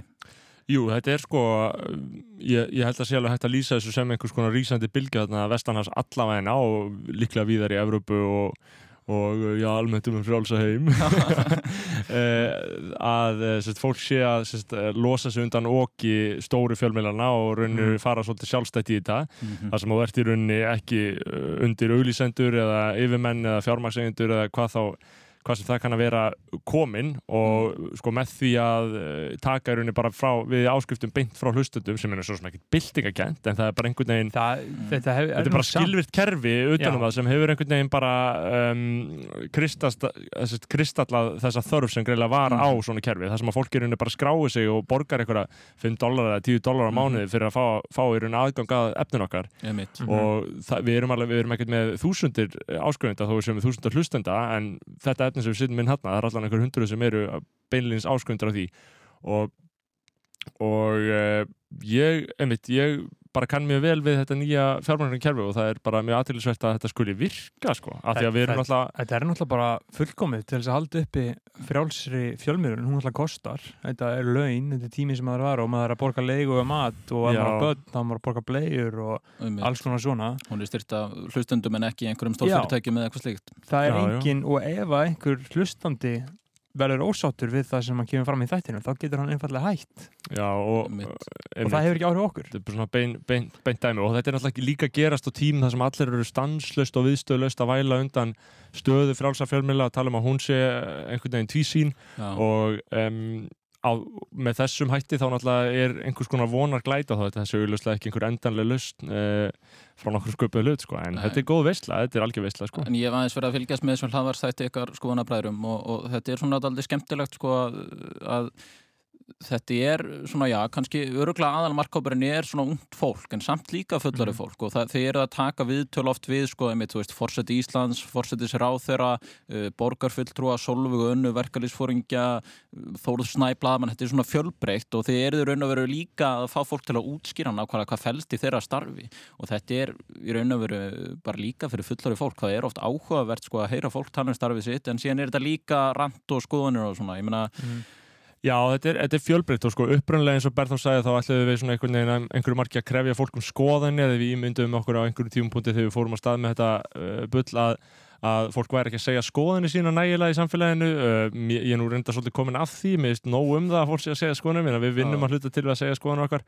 En uh, sko við höfum líka lagt áherslu í setni tíð. Ég meina eftir að við fó- fórum að finna að fólk var mjög ánægt með það að við tökum einmitt eins og segir fólk sem er uh, jafnvel bara í, í aðstu meðdórum í samfélaginu og í aðstu embættum landsins Mhm. uh, og fáum það eins til að tala við okkur á mannamáli og sömulegis til að tala við kynnslóð sem uh, hefur engan skilning á tungutaki þessa fólks eins og hann byrtist þeim í meginströms fjölmjölum myndi ég segja Um, uh, þannig að þú veist, þar er bara fórsetin að tala um, tala um daglega embættistöður sömulegis kata en ég er nú samt svona á því ennþá að, að það hefur náttúrulega ekkert breyst að fólk Nei, nei. fólk að þessari kynnslóð, unga fólki nennir ekkert að pæla í í smáatröðum þingstarfa eða eitthvað slíku sko, ég held að það Mm. ég held að það sé nú bara bundið hlutarnis eðli sko. Já, já, það er líka bara tilgangslaust, tilgangslaust vitneskja, 100%. En síðan fáum við það líka svona menn eins og til dæmis uh, núna síðustu tveir þættir hafa verið þarna Joffrey, eigandi Bryggsins og Benedikt, Andersson, uh, Já. tattúlistamæður og graffítilistamæður Já. og þetta er svona menn sem að menn svona þekkja og hafa áhuga á og þá eru við svona reynir að leifa hlustundum að komast inn í heim þessar að tekja manna, sko. Mm. Svona fólk sem er alveg þekkt á ákveðinni senu en er kannski ekkert mikið í Já. viðtölum. Já, ekki mikið viðtölum og sem einhvern að veginn- ven, venjulegi fjölmiðlar sína ekki endilega mikla aðtikli sko. Já, eða fatt ekki eða svona einhvern veginn, það er ekki þægilegur aðgangspunktur að þeim, þú veist, það er engin bara einhver hérna, eh, einhver, einhver maður hérna á gólfinu, hvort sem það er bara ríkisútarpunni eða bylgjunni eða hvað sem er að fara að taka Benna Andra inn í viðtal sem er tattoo, könguló og tattoo á Æ, einmitt. uh, en mér finnst það bara sjálfsagt að ég þekkt hann alltaf og við höfum alist upp í saman hverfi og svo framvið, þannig að menn Mhm. bara smetlaði með stúdíu og þá kemur þetta eitthvað mjög gott og aðtilsett út. Já, en þannig að við víkjum aðeins frá þessu uh, ágæta hlaðvarp ykkar. Það, það er oft mjög gaman, þeir eru oft með þessa, mitt þessa randþætti sem ég hef aðeins verið að hlusta á og það er svona skemmtilegur, hvað getið sagt, kontrast á milli ykkar, Mm. þið eru blóðbræður það eru hvað, Mm. tvö ára milli ykkar Já. þeir eru fættu 95 Bergþór og, og 97 Snorri Mm. og það er mjög það er oft svona gaman að hlusta okkur spjalla og þið eruð ólíkir en samt með svona líka líka sín og svona, ég meina eigið ykkur hérna, eftirminnileg sumafrí, ég get einhvern veginn ímyndað með ykkur það, ímyndað mér það afsakið Vi, Við ólumst alltaf upp sko, við hefum einn eld, elsta bróður uh, hann er Ari Másson, hann er fættur sko 90 ég er 97 og Berður er 95 uh, og við vorum alltaf eitthvað vesenst eitthvað á sumrin ég meina, Já, já, það var bara, við, við fórum mikið til Spánar, mamma er djúb í spænskunni Hver er sko. móður ykkar? Móður okkar er uh, Margrét Jónsdóttir Njarðvík uh, sem sagt hún rak ferðarsvíkstofuna Mundo en er núna að taka við uh, sem rektor í háskólanum í Böröst og ég teki við og, og sömulegis var það, var það fæður okkar Már Jónsson sem var með okkur sakfræðingur uh, á meðan þau voru gift og uh, við ferðist við, við fórum, vorum engum á Spáni en síðan vorum við ekkert eitthvað svona sérstaklega mikið fannst mér í útlöndum. Ég fannst alveg margir, það kom líka, kom líka langu tími sem ég kra- þegar ég á krakki sem við fórum bara ekkert eitthvað alveg til útlanda. Ég meina, það var ekkert eitthvað svona megin áhersla á eitthvað slíkt. Uh, og ég, ég minnist þess að þegar við vorum í útlöndum þegar við vorum til þess að Spáni Mm. Við vorum mjög mikið á Spáni. Ég, mér líður eins og við höfum bara verið á Spáni sko. og sko þegar ég er svona að hugsa tilbaka núna þá mann ég eftir hverju einustu útlandaferð með fjölskyldin ég var lítill að þetta var stórt mál að maður var að fara til útlanda Já. en síðan þá þegar ég hef búin að vera eitthvað 22 að fara einhverja þungliti strikkifærðir Já. ég man ekkert eftir því Nei, mitt, það er ekki Ja, eins eftirminnilegt Já, ég get rakið hverja einustu ferð hvers eins ár þegar ég var lítill en Já. ég man ekkert hvað ég fór árið 2016 sko. líka hvað er óeftirminnilegra en að vera inn í borg í Erlendulandi og dagurðin er einhvern veginn þannig að þú vaknar á einhverju hóteli eða gisteimil eða hvað er fjandar, hvað er fjandarsóttakista og þú ferð út og ferð aðeins að skoða eitthvað aðeins að skilur röllum bæinn. Uh, og svo stoppar á einhverju ömulegu kaffehúsi, einhverju asnalegu ömulegu kaffehúsi farið einhverja köku eða kaffi og eigið skilur 8 pundum í það það er 1400 kall skilur uh, og það er bara svona óánægilegur óánægileg afgreysla þegar þú bara einhvern veginn kaupir þetta, það er eitthvað svona millimál eða, eða morgumatur eða eitthvað slíkt. Já. og síðan síðan er næsta stopp einhvern veginn sem fær aðeins aftur út á götu og fær kannski einhverja hundleðilega fataverslun Mm. og fær kannski aftur inn á kaffehús skilur 16 og þá er það önnur 6 pund. Því því- því finnst þetta 6,5 pund ekkert mál Nei, í nei, frí, ég sko. og, og svo er þetta Nei. náttúrulega það sem gerir þig á endanum gjaldþróta við þessi frí, sko Mhm. Já. og svo ertu, þú veist, síðan ertu farin einhver dinner á einhverjum stað, skilu, og síðan farin einhver hátegismat og kvöldmat út að borða einhverja pizzur og 10 pund pluss 2 bjórar, 5 pund Peningum í nei, svona- við, við þrýr eigum það allir samverðrætt Já. að við gjörsamlega höfðum peningaðislu ég, ég, ég er bara Mér er bara svo sumir. Mér er bara svo sumir farið til útlanda gaggjast til þess að eigða peningu. Já. vilja Já, já. stunda þessa slæmi höfðum og það er engin, það er raun og vera sko, ekkert erindi ákveð, það er bara heyrðu við ætlum að eða peningum, Já. við ætlum að drakka okkur full við ætlum Já, að gleyma því. og sko, það er, voða- það er voða fínt að eigða peningum Já, Það þykir voða fínt Já, að já. eigða peningum Ég Já. er ekki að segja, eigða ekki til. Ég get alveg skrapa saman uh, ég, Það eru ekki mín eftirminnilegu augnablika Því ég er að segja, svona dagar og ég var að lýsa Hádegismatur og kvöldmatur á einhverjum astnalegum mm. -hmm. trippat á þessu drullu stöðum Já. Þetta er bara fullkóla óeftirminnilegt Hafið þið verið í mörgum svona ferðum með það? Í Já, setni tíð, þegar við erum úlingar og eitthvað svona svona, skiljum Já. við á 20 eins bla bla bla, þá er maður endalist í einhver svona stuttum borgarferðum sem er rosa með svona mikið mótalinn. Ég er ekki talsmaður þessar stuttur Nei, nei. borgarferða, sko. en, en þetta er svona það sem að ég er kannski þakkláttastur fyrir uh, þakkláttastur uppeldinu fyrir sko Mhm. að hafa þetta svona uh, hatur á peningaðislu sko Já. að því að þú veist að jú það er margt manneskjan gengur í gegnum erfið mótunartímabil og verður fyrir aðkasti vina sína og samfélagsins og allt svona þú veist, maður hefur alveg verið svífurtur kallaði nánös, aurapúki nískupúki og alls konar svona en það hefur aldrei virkað En, og þarna gildir þið fórt hvenna sá hlær best sem síðast Já. hlær, sko. Já, já. Eh, Þið verði ég að segja. En þannig að fóreldri ykkar voru, hvað getur við sagt, svona aðhaldsamir eða? Já, nei, bara einfaldlega skynsamir, myndi já, ég segja, ég meina sko. konseptið það bara það konsept að fara út að borða í Reykjavíkuborg er bara ekki, var ekki til Ég bara, ég bara beinliris fór ekki út að borða. ég fór í alveg út að borða í fyrsta sinn Já. bara þegar þegar ég var bara 17 ára ég fór í mentaskóla ég, ég, ég, fór, ég, við fórum beinlinis aldrei Já. út að borða, sko. Og, og þetta er náttúrulega, veist, það bara var ekki til. Og, ég, og ef maður setur það, sko, ef, veist, það er koncept, ef maður setur það til þess í samhengi við til þess eitthvað svona sumarferðir eða sumarsögur og svo framvegis, þá held ég að það skilir sér sumar leiðis að í útlandaferðum þá er þetta einhvern veginn eitthvað svona, það því að útland, útlandaferðir fyrir Íslandingum snúast um það sem ég var að tala um, skilur Mm. borgarferðir, versla, fara út að borða. Mm. en mér finnst þetta leiðilegt. Og mér finnst þetta ekki það sem ég sækist eftir í útlandum þannig að mína ferðir er ekkert að fara að vera hefbunar ég get að segja sér einhver servitryggur það er margir sem er á sömu skoðun.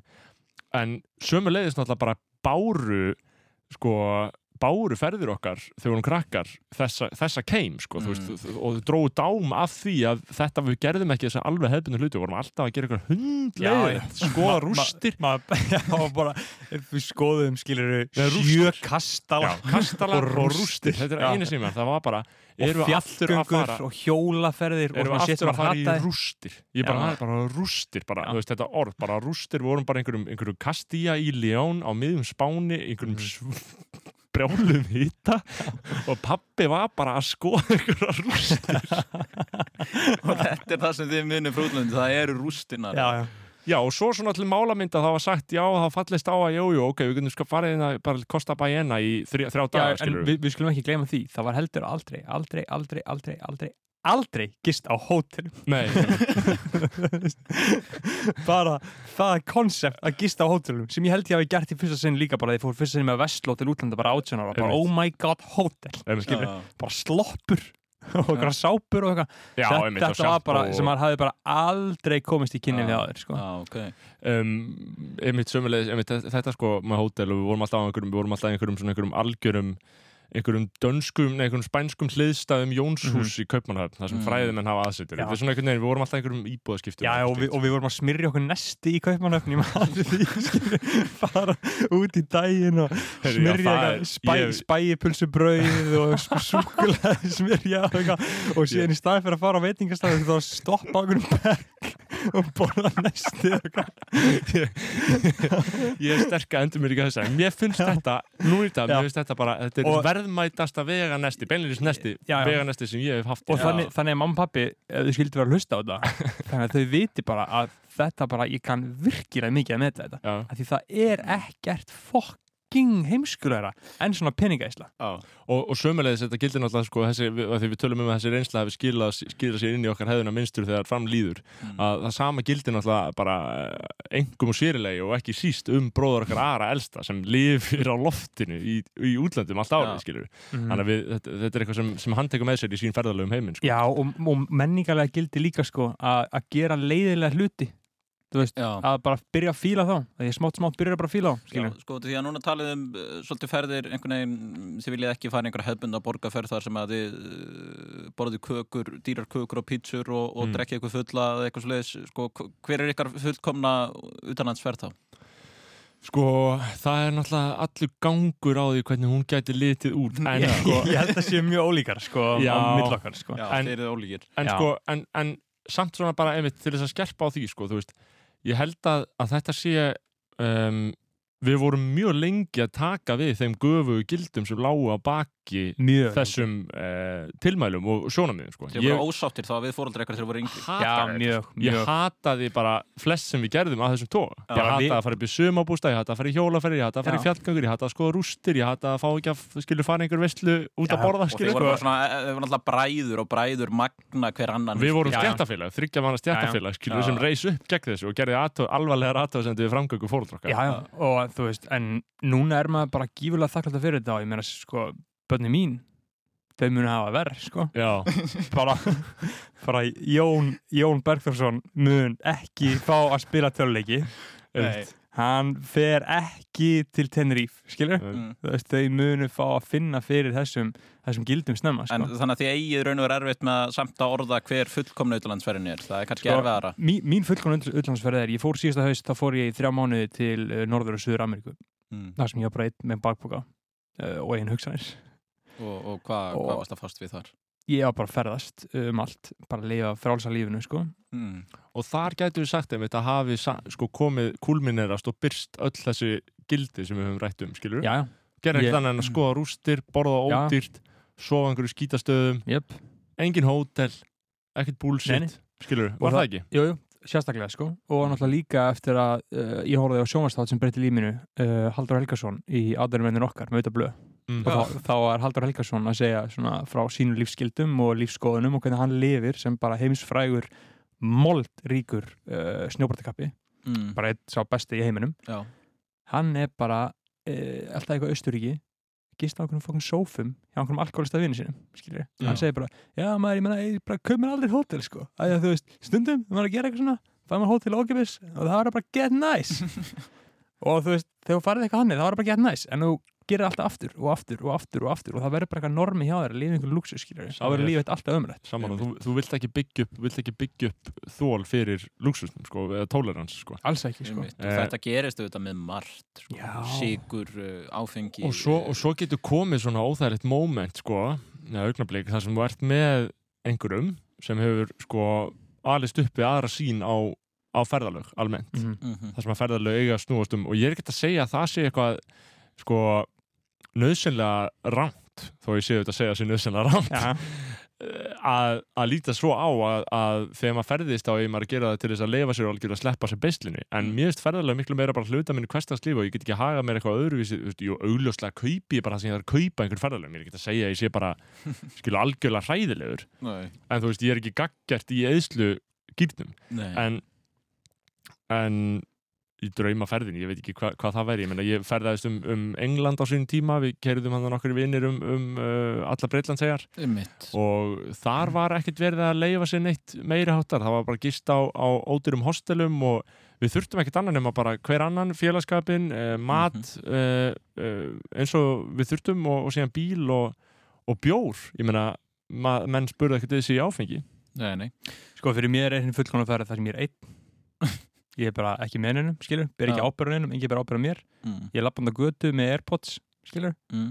uh, beiti vinstri, við beiti vinstri, beiti til hægri við beiti til hægri, þarf ekki að ræða þarf ekki að, þarf ekki að gera neina málamilnir Nei. og ég helst svona að gera eitthvað svona skrítið dótt, skilur Mm. að þú veist, það er eitthvað svona einhverju litlum, litlum fjallaþorpi í Kólumbíu það sem að er auglýst að það er eitthvað svona reiki healing og eitthvað svona skrítið dótt Já.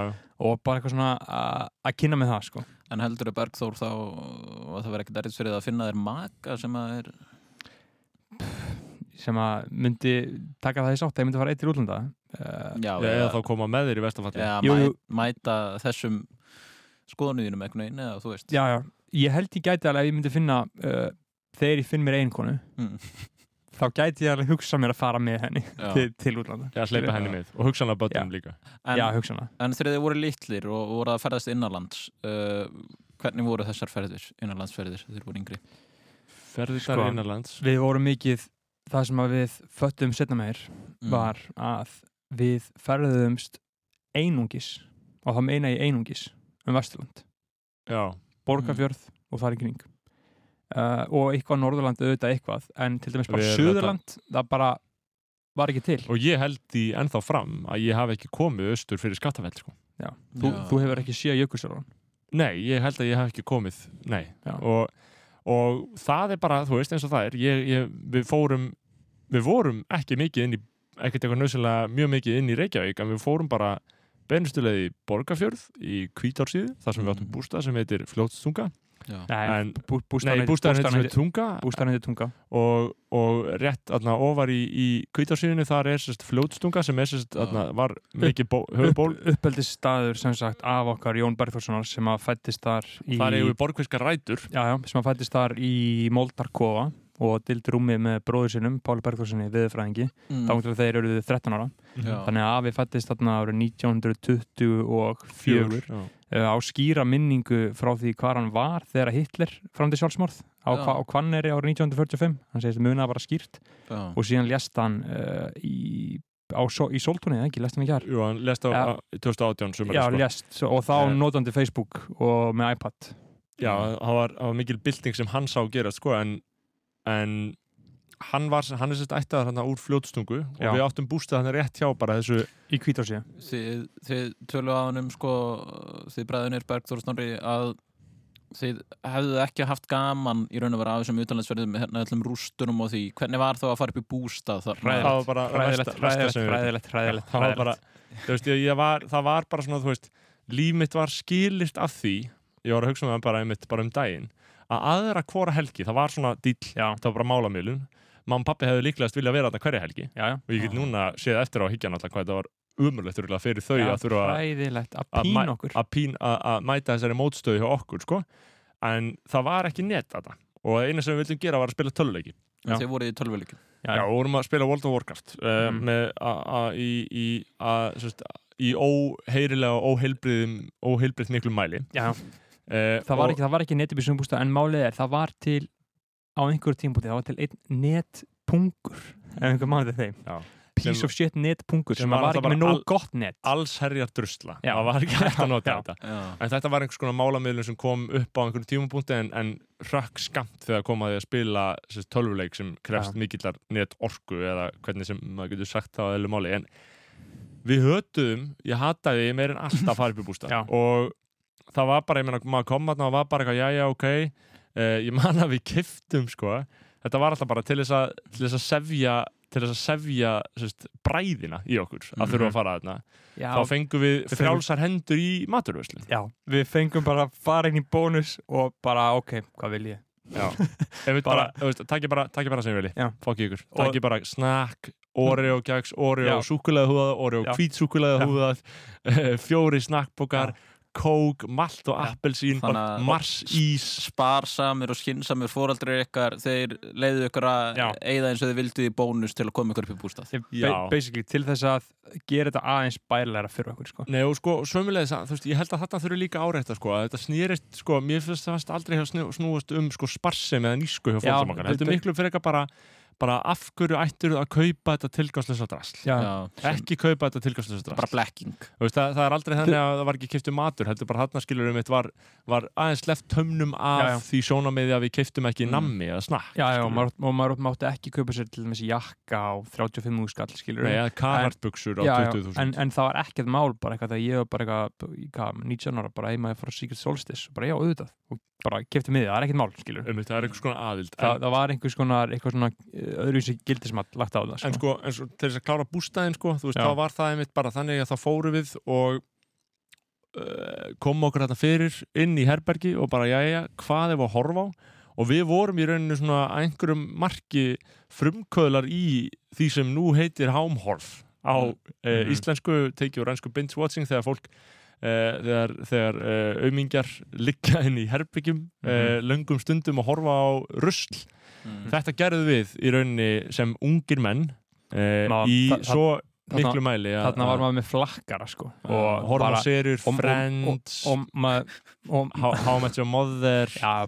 Simpsons, Family Guy Brautriðundur í hámhorfi Já, við getum sagt það uh, Bergþór og Snorri, ég uh, við ætlum að velja eitthvað lag til að hlusta á og, og fara í auglýsingar. Uh, er þið með eitthvað svona lag sem þið viljið? Sko, eigið kæra sumar með Dóra DNA og Danny Deluxe? Það hlýtur að vera hægt að rætta því. Það er ekki bara, Já. af hverju það? Það er bara gott sumarlag sko. Og ég er bara eitthvað nýbúin að hlusta á Stelpur og Chill aftur eftir þessar tvo mestara Danny Deluxe, Dóra DNA uh, klassísk Já, og kæra sumar er svona uh, það sumarlag sem að uh, ég hugsa um Já, þetta er Íslensk tónlist. Rástöð fyrst og fremst. Njótið.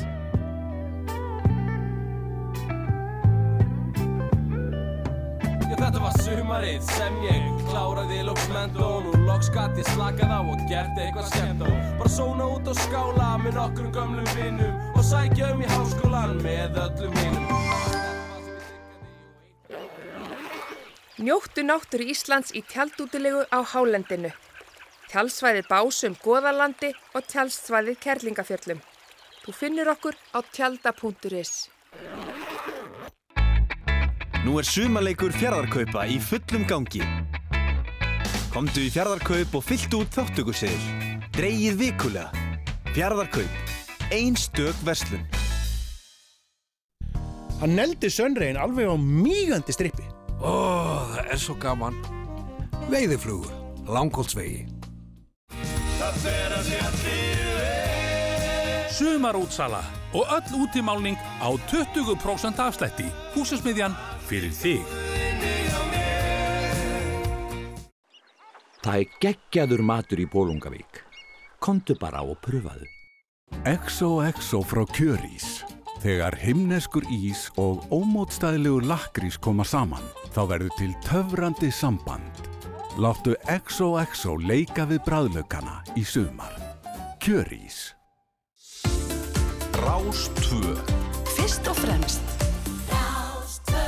Þú ert að hlusta sumarsögur, ég heiti Jakob Birgisson og stýri þeim ágæta þætti. Hjá mér eru bræðunir Bergþór og Snorri Másinir, þeir halda út í hlaðvarpinu skoðanabræður og við höfum svona aðeins verið að fara yfir æskuna, uh, þeir töluðu mikið um að hata ýmislegt, það var svona, uh, þeir voru ekkit endilega hrifnir að því að að vera að fara í ferðalega með fóröldur sínum að skoða rústir og fara upp í bústæður, vildu helst bara vera heima í, í tölvunni en Hvað segið þið mér svona í dag, strákar? Hvernig? Hvernig þetta er í dag, sko, við, jú, jú, við töluðum ítla um þessar, æsku upplifanir en við nefndum líka hvað við erum þakkláttir fyrir þær í dag. Einmitt. Og, og þetta er mótamann með, með jókvæðum hætti það er ímislegt sem situr eftir og ímislegt sem Mhm. svona eh, um, er þetta svona klappa af manni svona hægt og hægt, ég meina ég veit að fyrir mitt leiti sjálfur það hefur verið að, að vinda ofan af alls konar einmitt svona viðhórum sem að þróaði með sér á þessum tíma, ég Mhm. nefndi það að við vorum uh, spilum tölvuleikja mikill áfergju Mhm. og um, já, með þeim hætti að það hafi bein áhrif á, líf okkar og, og fólk Og í kringum okkur all- allra kringum oss, þetta er bara og pró- hver- hver- hver önnur fík. Þetta er bara problematíst og ég held að þetta Já, sé já. bara vandamál sem er mjög víða grasserandi og, og, og, og erfitt og þungt fyrir marga þessi töluleikja viðbjör en hvað það? bara En- líf, lífið þitt í töluleikinum var í rauninni mikilvægara en lífið þitt í alvöru heiminum En sko. minn eins og þið, þið talir núna um tölvuleikina og hvernig þetta hafiði bara bein áhrif á bara fjölskylduna Já, já. Hvað ráður þið með fyrir fóreldra sem eiga tölvuleikja Ég segi bara zero tolerance harðalínu stefna sko. Já. Brjót, brjóta Playstation töluna veit- kasta fjasturinn út í sjóin eins og ég segi, sko, þetta er, þetta er uh, bróður minn er meiri draumára maður og, og uh, yfirlíska glaður, ég held að þetta sé ekki nöðsynlega góð leið, ég held að það sé engin leið til góð leið til að vinda á hana ég held að þetta snúist um að krossa fingur reyna að uh, milda skadan Mhm. með mótaðisaðgerðum Já.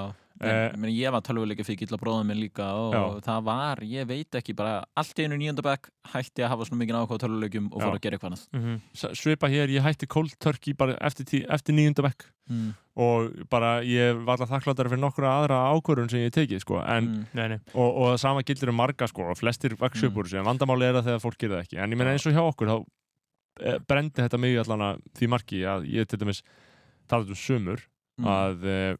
eh, eh, ég er svo sem vikið að því öðrum vettvangi held ég en, en það var með, þetta með sko að ég hata byrtu Mm. ég hata, ég hata í raun og veru að einhverju marki þá hata Já. ég sólaljós Þú hatar ímislegt, Snorri Másson. Já, hata er kannski stert orð. Ég ætla hann að bara uh, sko ég ann því ekki eins heitt og aðrir. Aðrir bara eru með svona skilirslösa gleði þegar sólinn skýr menn bara eitthvað allt í hennu bara hætta öllu sem er að gera, heyrðu getur frestað þessu? Að koma sól. Já, nei, við getum ekki frestað þessu. Og, og, bara hætta öllu sem er að gera og bara fara í fucking nautálsvík Já. en Og- sko, en málið er þetta, þetta er, þetta er svipað svona eins og sko trámað svona erfist, skilur þú veist, Íslendingar eru mjög traumatist þjóða því að menn voru bara krokna og kulda og borða bara einhvern hráan fisk og bara börni voru að deyja og alls konar svona, skilur, Mhm. þetta erfist í erfðir sko. Erf, erfist í ættir sem það ekki. Um, og það sem að gerist við okkur er að þegar við vorum í, við vorum litlir þegar kom sól Já. þá þýtti það, oh my god, nú kom að pressa á mig að þið eru að fara út Já. og þegar þú ert gjörsamlega geð spiltur ungur töluleikjafíl Já. þá það að fara út þýðir að þú eru að hætta að spila töluleikin Mm. þú þurfa að hætta að grænda að þetta er ekki nema grænd töluleikinir, þú er bara að grænda Já. bara að vera betri og betri og betri en málið þú ert að vera betri í ímyndunar heimi þú ert að vera betri í kjaftaði sem skiptir ekki máli og sem þú tekið frá þér, þá var það algjörlega til einskis Það var ekkert sjálfströst, þurfti að vera úti í sól Já, þá Nei, ert allir komin út sko Mhm. í, í sól og ég meina þú ert meira, meira og hugsunin og eðlilega hugsunin hjá viðkomandi er bara hvað á ég að gera hér? Einmitt, ég vil bara fara heim að spila hvað á ég að gera hérna úti? Hvað á ég að leika mér? Ég er ekki í fótbolta Nei, nei. Ég er ekki fótbolta eins og þessur asnalegu skilur og ég, Mm. ég sjálfur óbeita fótboltastrákum, skilur Mhm. Já. eh, og þú veist, ég, ég, ég hef ekkert forsendur til þess að leika þeirra leik Nei. eh, ég hef forsendur til að leika minn eigin sorglega Einmitt. óheilbriða sjúka leik í tölvunni Já. og ég vil bara gera það þannig að ennþá núna í dag, allan að fyrir mitt leiti Já. Þá, þá, þá kemur þessi tilfinning þegar það kemur sól, þetta er ekki algjörlega skilurislaus eða Nei. fölskalaus gleði ég er smá svona Ó nei, svona, oh, Ó, oh, núna er Taugakerfi segir það, það Já. er svona fyrstu viðbjörn Já. núna, er, núna, er, núna þarf ég að vera úti að sjálfur núna vinn ég mikið inni ég vinn bara við tölvu og Mhm. skrippborð og, og Blaðamaður. blaðamaður og eða þá við að lesa þá kann ég mig, ég kann ég mig bara vel við mig bara heima að lesa Mm. en þegar það kemur sól þá er orðið eitthvað svona heyrðu, ætla að koma, ætla að koma eftir ætla að, e, e, förum að gera um eitthvað förum að gera um eitthvað, mér finnst það svona, ég fær svona taugastyrkur, þetta er svona óskilgreint, ja. akkur er að tala um að gera eitthvað núna, akkur, þú veist Mhm. En Bergþór Másson, sko, þú ert uh, líka umbóðsmaður, uh, þú Mhm. verður með eins og uh, raftívikið Clubbed Up sem Mhm. að Mhm. ég veit ekki hvort allir hlustendur ás að tvö uh, vita hvað er, en þeir uh, alveg sprungu þannig hvað, sumari 2018 Jú, jú, sum, sumari 2018 og þá hafði svona rappið mikið verið í ungu fólki og þetta var Mhm. komið út í meira svona já, eitthvað svona raf uh, dans, tónlist Já, já, svona góð, góð úrkynjun á rappinu, sko Já, uh, hvernig hefur þetta tengst sumrunni á þér? Sömurinn á mér, uh, sko, þegar ég byrjaði sko sem umbóðsmaður Já. byrjaði þessu, þá atna, vissi maður alltaf ekkert hvað maður átti að gera hvað hlutverki væri, hvernig maður ætti að haga sér og eitthvað, þetta er svona spennandi heimu til að vera í og ég bara svona fylgdist með því hvað aðri voru að gera, skilur og Mm. bara svona bara svona gerði það sem að ég sá aðra vera að gera og læraði þeim og spurði ráða og allt svona. Og þá var voða mikill kultúr sko uh, þá var voða- voða mikill kultúr því sko að senda umbóðsmanni með á giggin sko ég sem sagt kom inn í það og lærði það til dæmis af Alexis Garcia og Egil Ástráðs og svona þ- svo þannig menn sko. Þeir svona leiðböndum manni þannig að þú þurfur ekki, ekki að koma með á giggin en umbóðsmaðurinn hefur ekkert að gera á giggunum sko. Bara ekki stakan hlut í 90% tilfella. Já. en ég bara svona trúi þessu í eitt ár cirka, og kom alltaf bara með og bara var bara eitthvað með. Ég veit ekki alveg, maður ekki alveg hvað ég var að gera. Mm. uh, en það var mjög gaman sko. Já. það er bara, ég sé ekki eftir neinu sko. Fyrir ungan mann sem að vera svona, já, já, stíga sín fyrstu skref í uh, þessum gráðu að lata bransa sko. og það var kannski meiri svona bransa, bransa stemning skilur að koma með og að hitta alla og svo framvegis Já, já, jú, jú, jú það, Og varstu þá sumrin að mæta Þá er ég mjög mikið á giggum sko. Já. Þá er ég mjög mikið alltaf að koma með sem ég geri auðvitað alveg ennþá sko. Mm. Þú veist, bara ekki jafn miklu mæli sko. Ég er ekkert að koma með eitthvað þegar að glöfta upp er að spila á Reykjöp ballinu skilurðu. Ég, það, það er þess ekki sko. en þú veist, auðvitað kem ég með að einhver stemming að þjóðtíð eða En þetta dagar eins og fyrsta meina, þá, þá spilar Clubbed Up sko allstaðar Já, þeir, þeir spiluðu um allt uh, og það er sko mjög vel dokumentað í uh, því uh, sko bara frábæra verki Clubbed Up the Movie Já. sem að hlustundu geta nálgast á uh, sjónvarpi Símars Premium eða á YouTube sem er svona heimildamind sem að svona kroniklar þessa rísu og hvernig þetta byrjaði allt og alls í gig og allt svoleiðis og það var bara fucking stemming sko en Mm. svona eftirminnilegast það var sko þetta var svona smá pík eða Klautabur er ennþá ótrúlega vinsalir sko ég er alls ekki að segja að þetta hafa eitthvað pík á að fara niður og eftir það sko en svona píkið í hasarnum og vesinu og átökunum og allan það var Vesturlumarhelgin um, 2019 mm. og þá voru við, sem sagt, þá kom ég með sko, þá voru við 50. og 1. í Vestmanni þá voru þrjú gig þar og síðan uh, þurftum við að keira frá Vestmanniðum Mm. Fór- fórum í Jólfinn sko, í bíl landeirhöfn, Mm. keira til Reykjavíkur uh, sækja, sækja DJ þar Mm. og síðan áttu að keira til Akureyrar Já. og spila gig strax um kvöldið skilinu, þannig Já. að þú veist Uh, sem betur fyrir er þetta allt, þarna, allt, heil, allt heilbreið menn sko. það er engin, það er ekki mikið fyllir í lengur sko, menn er náttúrulega fullofnir, 25 ára Já. Og þetta með að keira til Akureyrar, náttúrulega löng bílferð taka tökik þar vakna síðan strax daginn eftir og keira til Neskupstæðar og taka tökik þar sko. Já, já. Uh, þetta var Vesturmælgin 2019, það voru sjö gig sem Mm. verður að teljast heldur mikið sko, Mm. uh, yfir eina helgi en þetta er bara alltaf mikil, mikil stemming og uh, hlustendur ætti að geta fengið að sjá þetta í Clubbed Up Movie 2 okay. sem að kemur út Eh, brála En ég meina, sko hvernig, hvernig, hvernig finnst þér íslenski tónlistabransin vera? Sko, hann er góður Já. en hann er gráður Já. og hann getur svona verið latur sko svona Latur Hvernig þá? latur, skilur menn vilja bara út af því að munurinn á öllu þessu er núna, hvernig tónlistin, tónlistin umhverfi hefur breyst gífurlega Ímyndið ykkur um lagi sem var spilað inn á Danny Deluxe og Dora DNA, Mm. þeir voru vinsarir 2006 Mm. þeir voru að búa til list og gefa út tónlist og þeim gjörsamlega óraði ekki fyrir að þeir myndu græða krónu á þessu. Bara, það bara var fjarstöðkjönd eða auðvitað myndu kannski græða einhvern 50 skall og okkipis bjór og fá einhverju virðingu. Bara svona eitthvað smá. Já, en núna, núna og ég er ekkit endal að segja þetta sé að finna góða eða slæmi auðvitað er frábært að listamenn geta fengið borga fyrir listinu sína og allt svo Bara lifa á því. Lifa á því, Þa, það er bara það er náttúrulega þróun sem er frábær sko.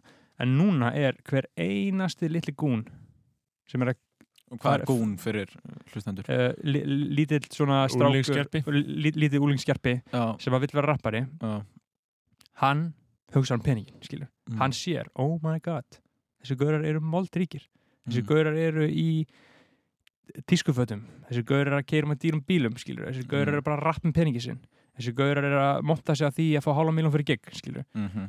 allir þeir, þeir sjá þetta uh, sem að náttúrulega gerir sko forsendunar að listsköpunni allt aðrar sko. Já. þetta er ekki lengur þessi endilega reyna fallega tjáning sko sem hefur vissulega alltaf þetta, hefur alltaf verið staðar í pop-heiminum og allt svona, núna bara Íslanda því að þú veist nútíma pop, popið enginn er svo ótrúlega mikið af peningum skilur, þeir lustið bara hvaða lag sem er Mm. þetta er bara, þetta bara kallmenn að tala um peningi sem er greið skilur og hvað hva, hva, fylgir svo mikið völd og mikið veistla og sem að ég er ekkert að segja þessi gott eða slæmt sko, ég er bara þetta er svona skemmtilega ábending sko, hvernig forsendunar hafa breyst á því hvernig Þetta er kannski svolítið svona leiðigjart einhvern getur fundist það. Já, ég- manni finnst þetta svona, ég held að fyrir flesta utanakomandi sem sko lifa ekki og hrærast í þessu uh, þessu ringuðu Mm. Þeir, það hefur þróast svona ákveðin skepsis gagvart þessu og fyrirlitning á því sem rap er orðið, skilur, Mhm. og af skiljanlegum ástæðum, en sömulegis líka eh, sem grundallast náttúrulega einhverjum marki í fáfræði og skilningsleysi á, á því sem er náttúrulega ennþá verið að tjá Mm. listrænum hætti Mm. jafnvel þó að fórsendunar hafi breyst og efnistökin snúi kannski í en, æ auknum mæli að þessu geðsúka viðbjóði sem eru sem, sem eru peningurinn, skilur Já. Já, já. En Snorri Másson, núna vinnur Bergþór bróðin hérna svona í tónlistar geiranum og hefur verið að fara þarna millir tónlistarháttíða allavega eitt, eitt sumarið sérstaklega svona og er með hljómsveitur og svona, ég meina hvað finnst þér um þessar tónlistarháttíðir núna er verið að aflýsa þeim mörgum hér, hérlendis eða svona minkaðar all verulega Já. hvað finnst þér um þetta? Sko, ég ég segi að þrátt fyrir allt að sé hálfgerð eftirsjá að til dæmis Secret Solstice, þessu sólstöðu hátíðinni mér finnst ekkert, ég, ég, það er síður en svo einhver þórðarkleiði í mér yfir því, sko Mm. uh, ekki að það hafi verið að, að sko Í að því. í að því, en það væri kannski típist í mínu fari uh, og annara, ég meina margir svona eitthvað eru bara betri og, og, og miklu lúserar í eðli sínu Já. en uh, mér fannst alltaf gaman á Secret Solstice við unnum þarna mörg sumur og fengum miða fyrir það og svo bara var maður að hella í sig og svo fram með svo ég held að fyrir ungdóminn hafi þetta líka verið ágætis vettvangur til þess að sko njóta einhvers smjörþefs af því frelsi sem þeirra beigð uh, handa með sjónarönd þegar þau öll eldri Mm. uh, þú gast þarna farið og, og leikið lausum hala einhver marki ef þú komst inn um gæsluna sem var náttúrulega svona oft ekki góð, ég meina þetta var bara eitthvað drasl og allir við sögðu er svona ákveði samkvæmsleikur sem, sem þarf að fara fram við Meina, hliðin sko, menn, menn voru að vinna með það að skrá sig í gæstluna á Sigurd Solstis til að fá ókipis miða Já. og síðan fóruðu bara úr einhvern ból og fóruðu bara haldið Já, já. það var enginn að fylgjast með þessu, þú varst ekkert skráður eða neitt sko. og gerðu allt til þess að djamma og þannig að það Já. engin eftirfylgni og fólk er í, sko, skipilegjendur er í fullu fangi með að vera ekki þannig skilur ah, þannig að það er engin eftirfylgni en, og, en, en síðan, ég meina, ef þetta fer og, og sömulegði sjáum við í mentaskólunum að það er verið að drepa alla tilbyrði til þess að djamma Mm. og sömulegðis að við erum komið rafræn aukurskiptinni í helviti símana þannig að núna þegar fólk ætlar að fara að smikla sér inn á skemmtistæði að þá er líka búið að kæfa það einhverju marki Mhm. og þannig að ég, ég hef miklar áhyggjur af því að það sé verið að eyða öllu mettvangi fyrir ungt fólk til þess að stunda þetta og sérstaklega á sumri, sumarið tímin þar sem að maður gerir hræðilega hluti í þessum aðstæðum. Voru þið mikið að gera þetta? Skemmt ykkur og þú veist, voruð það á djamminu, voruð þið með uh, einhver skilríki sem þið áttuðu ekki, hvernig var þetta allt? Já, ég meina sko þarna, mín ungdóms ára enginnast náttúrulega bara nokkur marki af því að, að ég meina við getum sagt kannski 2014, 15, 16 að þetta, þetta sé- séu bara sumur sem hafi bara að, að, að hálfu og heilu leiti gessanlega farið í bara prikið og, og slíka staði sem var náttúrulega bara ég man bara sumarið 2015 þegar ég kom heim úr skiptir á mig þá bara var ég ég var bara hverja einustu helgi báða þetta, allt sumarið á prikinu Mm. og, og ég minnist þess að sko núna hlýla, kannski var ég vel þunglundur á því sko, ég, það kann, það kann vel að vera sko Þannig að ma ma maður var ekki í tengslum við sínar einn tilfinningar Nei. Þú lifðir bara og lappaðir áfram Einmitt. og rúllaðir um í einhverju þóttaði láns að vita neitt sem var í gangi sko. og þess vegna var svo epic að djamma sko. Já, einhver, já, þú veist, og, og það var ekki þetta sko núna ef ég fer að fyllir í skilur, og va, eða, ég fer bara alveg fyllir og er að fyllir í til fimm 23? eða- 23 ára. Mm. veist, og ég er nú ekki gamall sko, ég er ennþá ungur. En þú veist, það getur gert út af við mig bara vikum saman skilur, og Mhm. bara ég fyrir ekki sjálfur mér það ekki. Eh, og þú veist, það eru bara fimm dagbókafæslu til þess að fara í eitthvað uppgjör við það, skilur Mm. en þú veist, þarna var maður bara algjörlega áhyggjulegs 17-18 ára að smikla svona skemmtistæði með, með skilriki, skilriki ég og Berþó, við, við lendum í góða áttum því láni að fagna að það var einhvern mann uh, drukkin maður sem uh, ruttist inn í húsi okkar á næturlagi Mhm. uh, bara einhvern mann árið 2014 eða 15 eða eitthvað uh, í óðagóti og öðlæði Mm. um, og greinlega vitið sínu fjær Já, ég vaknaði við, við hennar mann eh, bara inn í herbygginu mínu Já. Þetta braust bara einhver fyllibitta intileikar Já, við, við byggum sérst í kjallara og það var bara alltaf opið í kjallaranum Já. af því að ég veit ekki af hverju, við vorum bara aldrei með líki lágur það var alltaf bara opið, það var bara basic sko. mm. Og hann, hann, uh, hann braust inn braust og ekki braust inn, ég held að hann hafði bara farið húsavilt Já. og vissi bara ekki hvað hann var að gera var alltaf að reyna að pissa á gólfið eða pissa í rétt klósett eða eitthvað slíkt Mhm. En uh, þetta var sem sagt uh, maður sem hétt held ég að að allan að eiginnafni Hróar. Hróar Örn Jónasson. Já, Jónasson, ég man ekki Já. hvort þú Jónasson Já. en, Við erum að nafngreina mann í beinni útsendingu. Sem að braust inn til ykkar. Nei, nei, nei, nei, þetta var búið saglist hjá hann sko. Já, hann gerði ekki inn, hann, hann, hann, hann, hann ramblaði bara inn, þetta var óvart sko. Hróar. Rás 2 fyrst og fremst hér. Eh, sko, nei uh, hann, hann gerði ekkert saknæmt Nei, nei, þetta var nei, nei, en við, en, við vitum sem sagt hvaða maðurinn heitir ég veit ekkert hvort hann hafi verið Jónasson, ég er ekkert við það ég er nokkuð sem það hann var 89 mótel já, hann var 89 mótel, ég myndi kennendölun hans sko 25.03.892 nei, nei, nei, nei við erum ekki að fara við erum ekki að fara að fylgja kennendölu ykkur gróðars við gengum um með hans skilri ekki lengi því hann var svona áþekku mér í útliti út af því að þessi gauður skildi þetta veski sitt þetta var Tottenham Hotspur veski ég átti Tottenham Hotspur veski mjög lengi og, og hann, hann bröst inn og við bara lúttum hann tilbaka sko, bröst inn, ég veist að það gildislega þannig að þessi blæsaði fróar eh, hann hafði verið einhverju fyllir í umkvöldið eitthvað óvart rampaðin til ykkar og sko, skildi eftir við erum bara ímyndið okkur það, við erum ekkert sagt um hvað ástætti maður var í, hann allavega skildi eftir veskiðina heimili, það var eina sem við getum fullitt með góðum og vísundlunum hætti.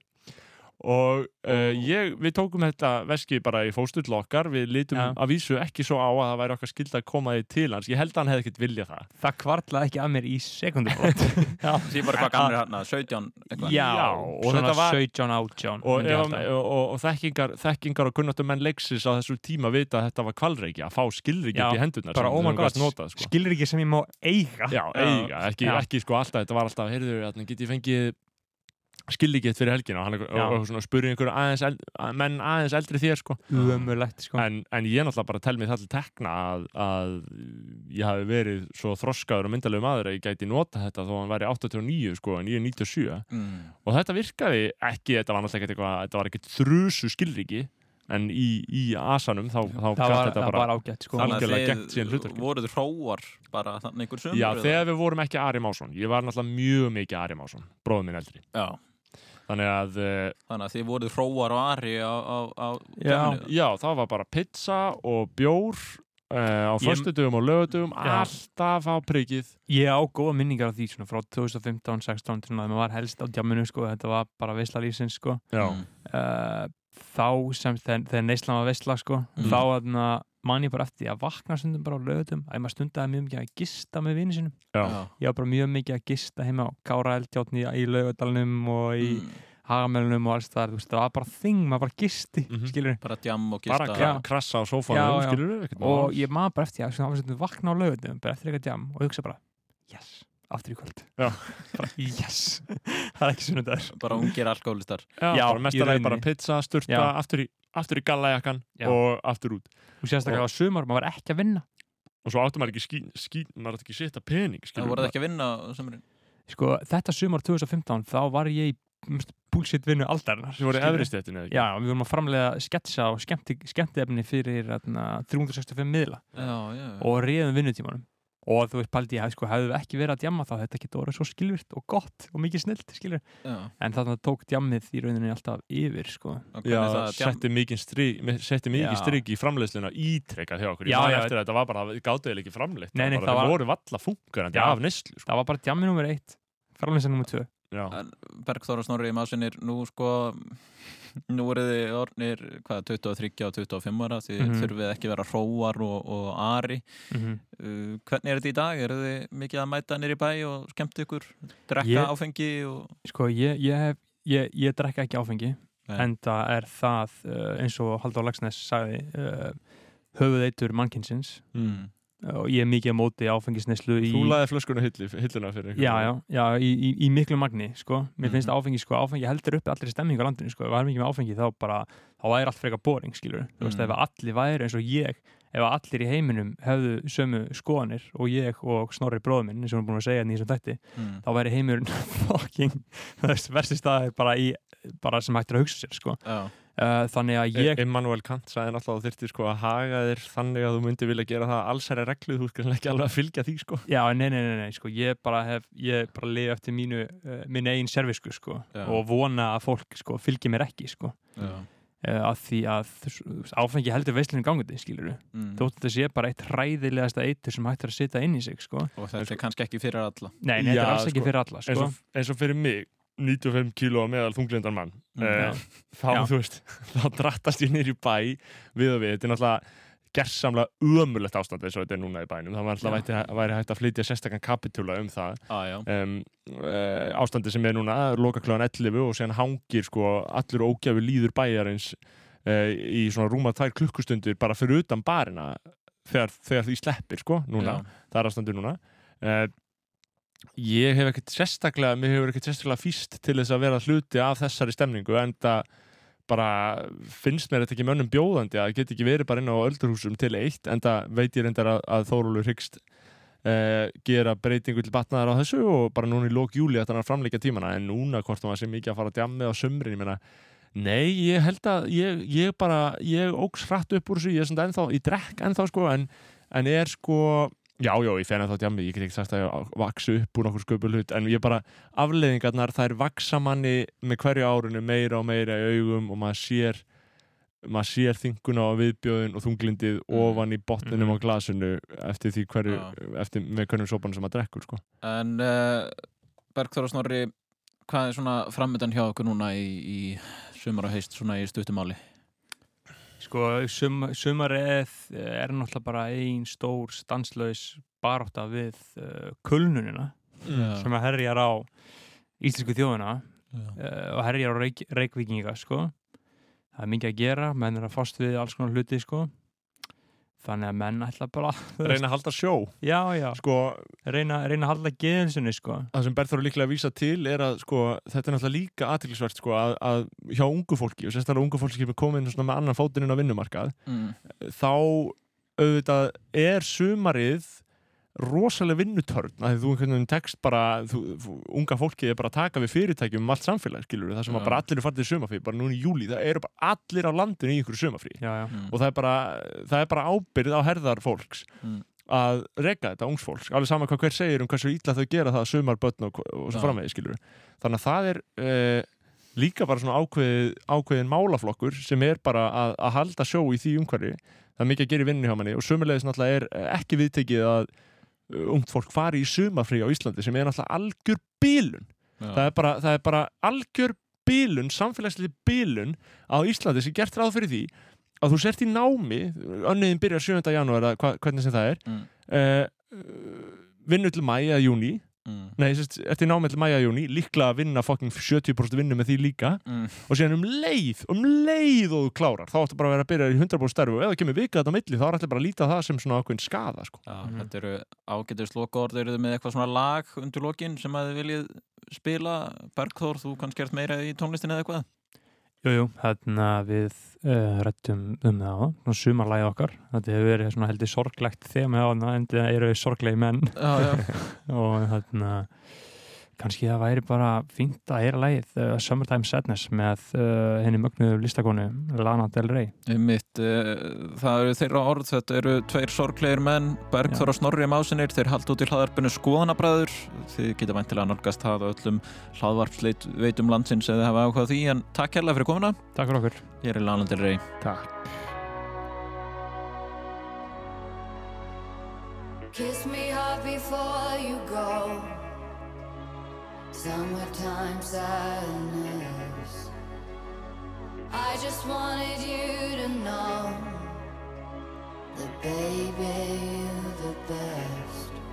I got my red dress on tonight, dancing in the dark in the pale moonlight. Done my hair up real big, beauty queen style. High heels off, I'm feeling alive. Oh my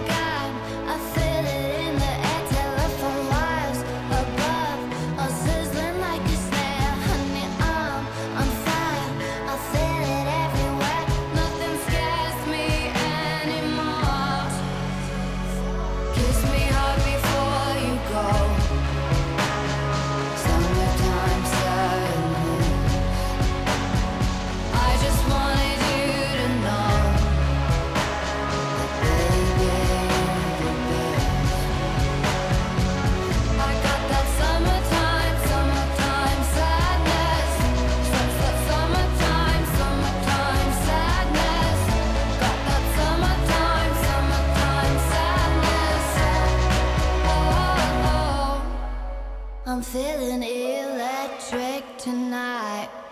Cruising down the coast, going about 99. Got my bad baby by my heavenly side. I know if I go, I'll die happy tonight.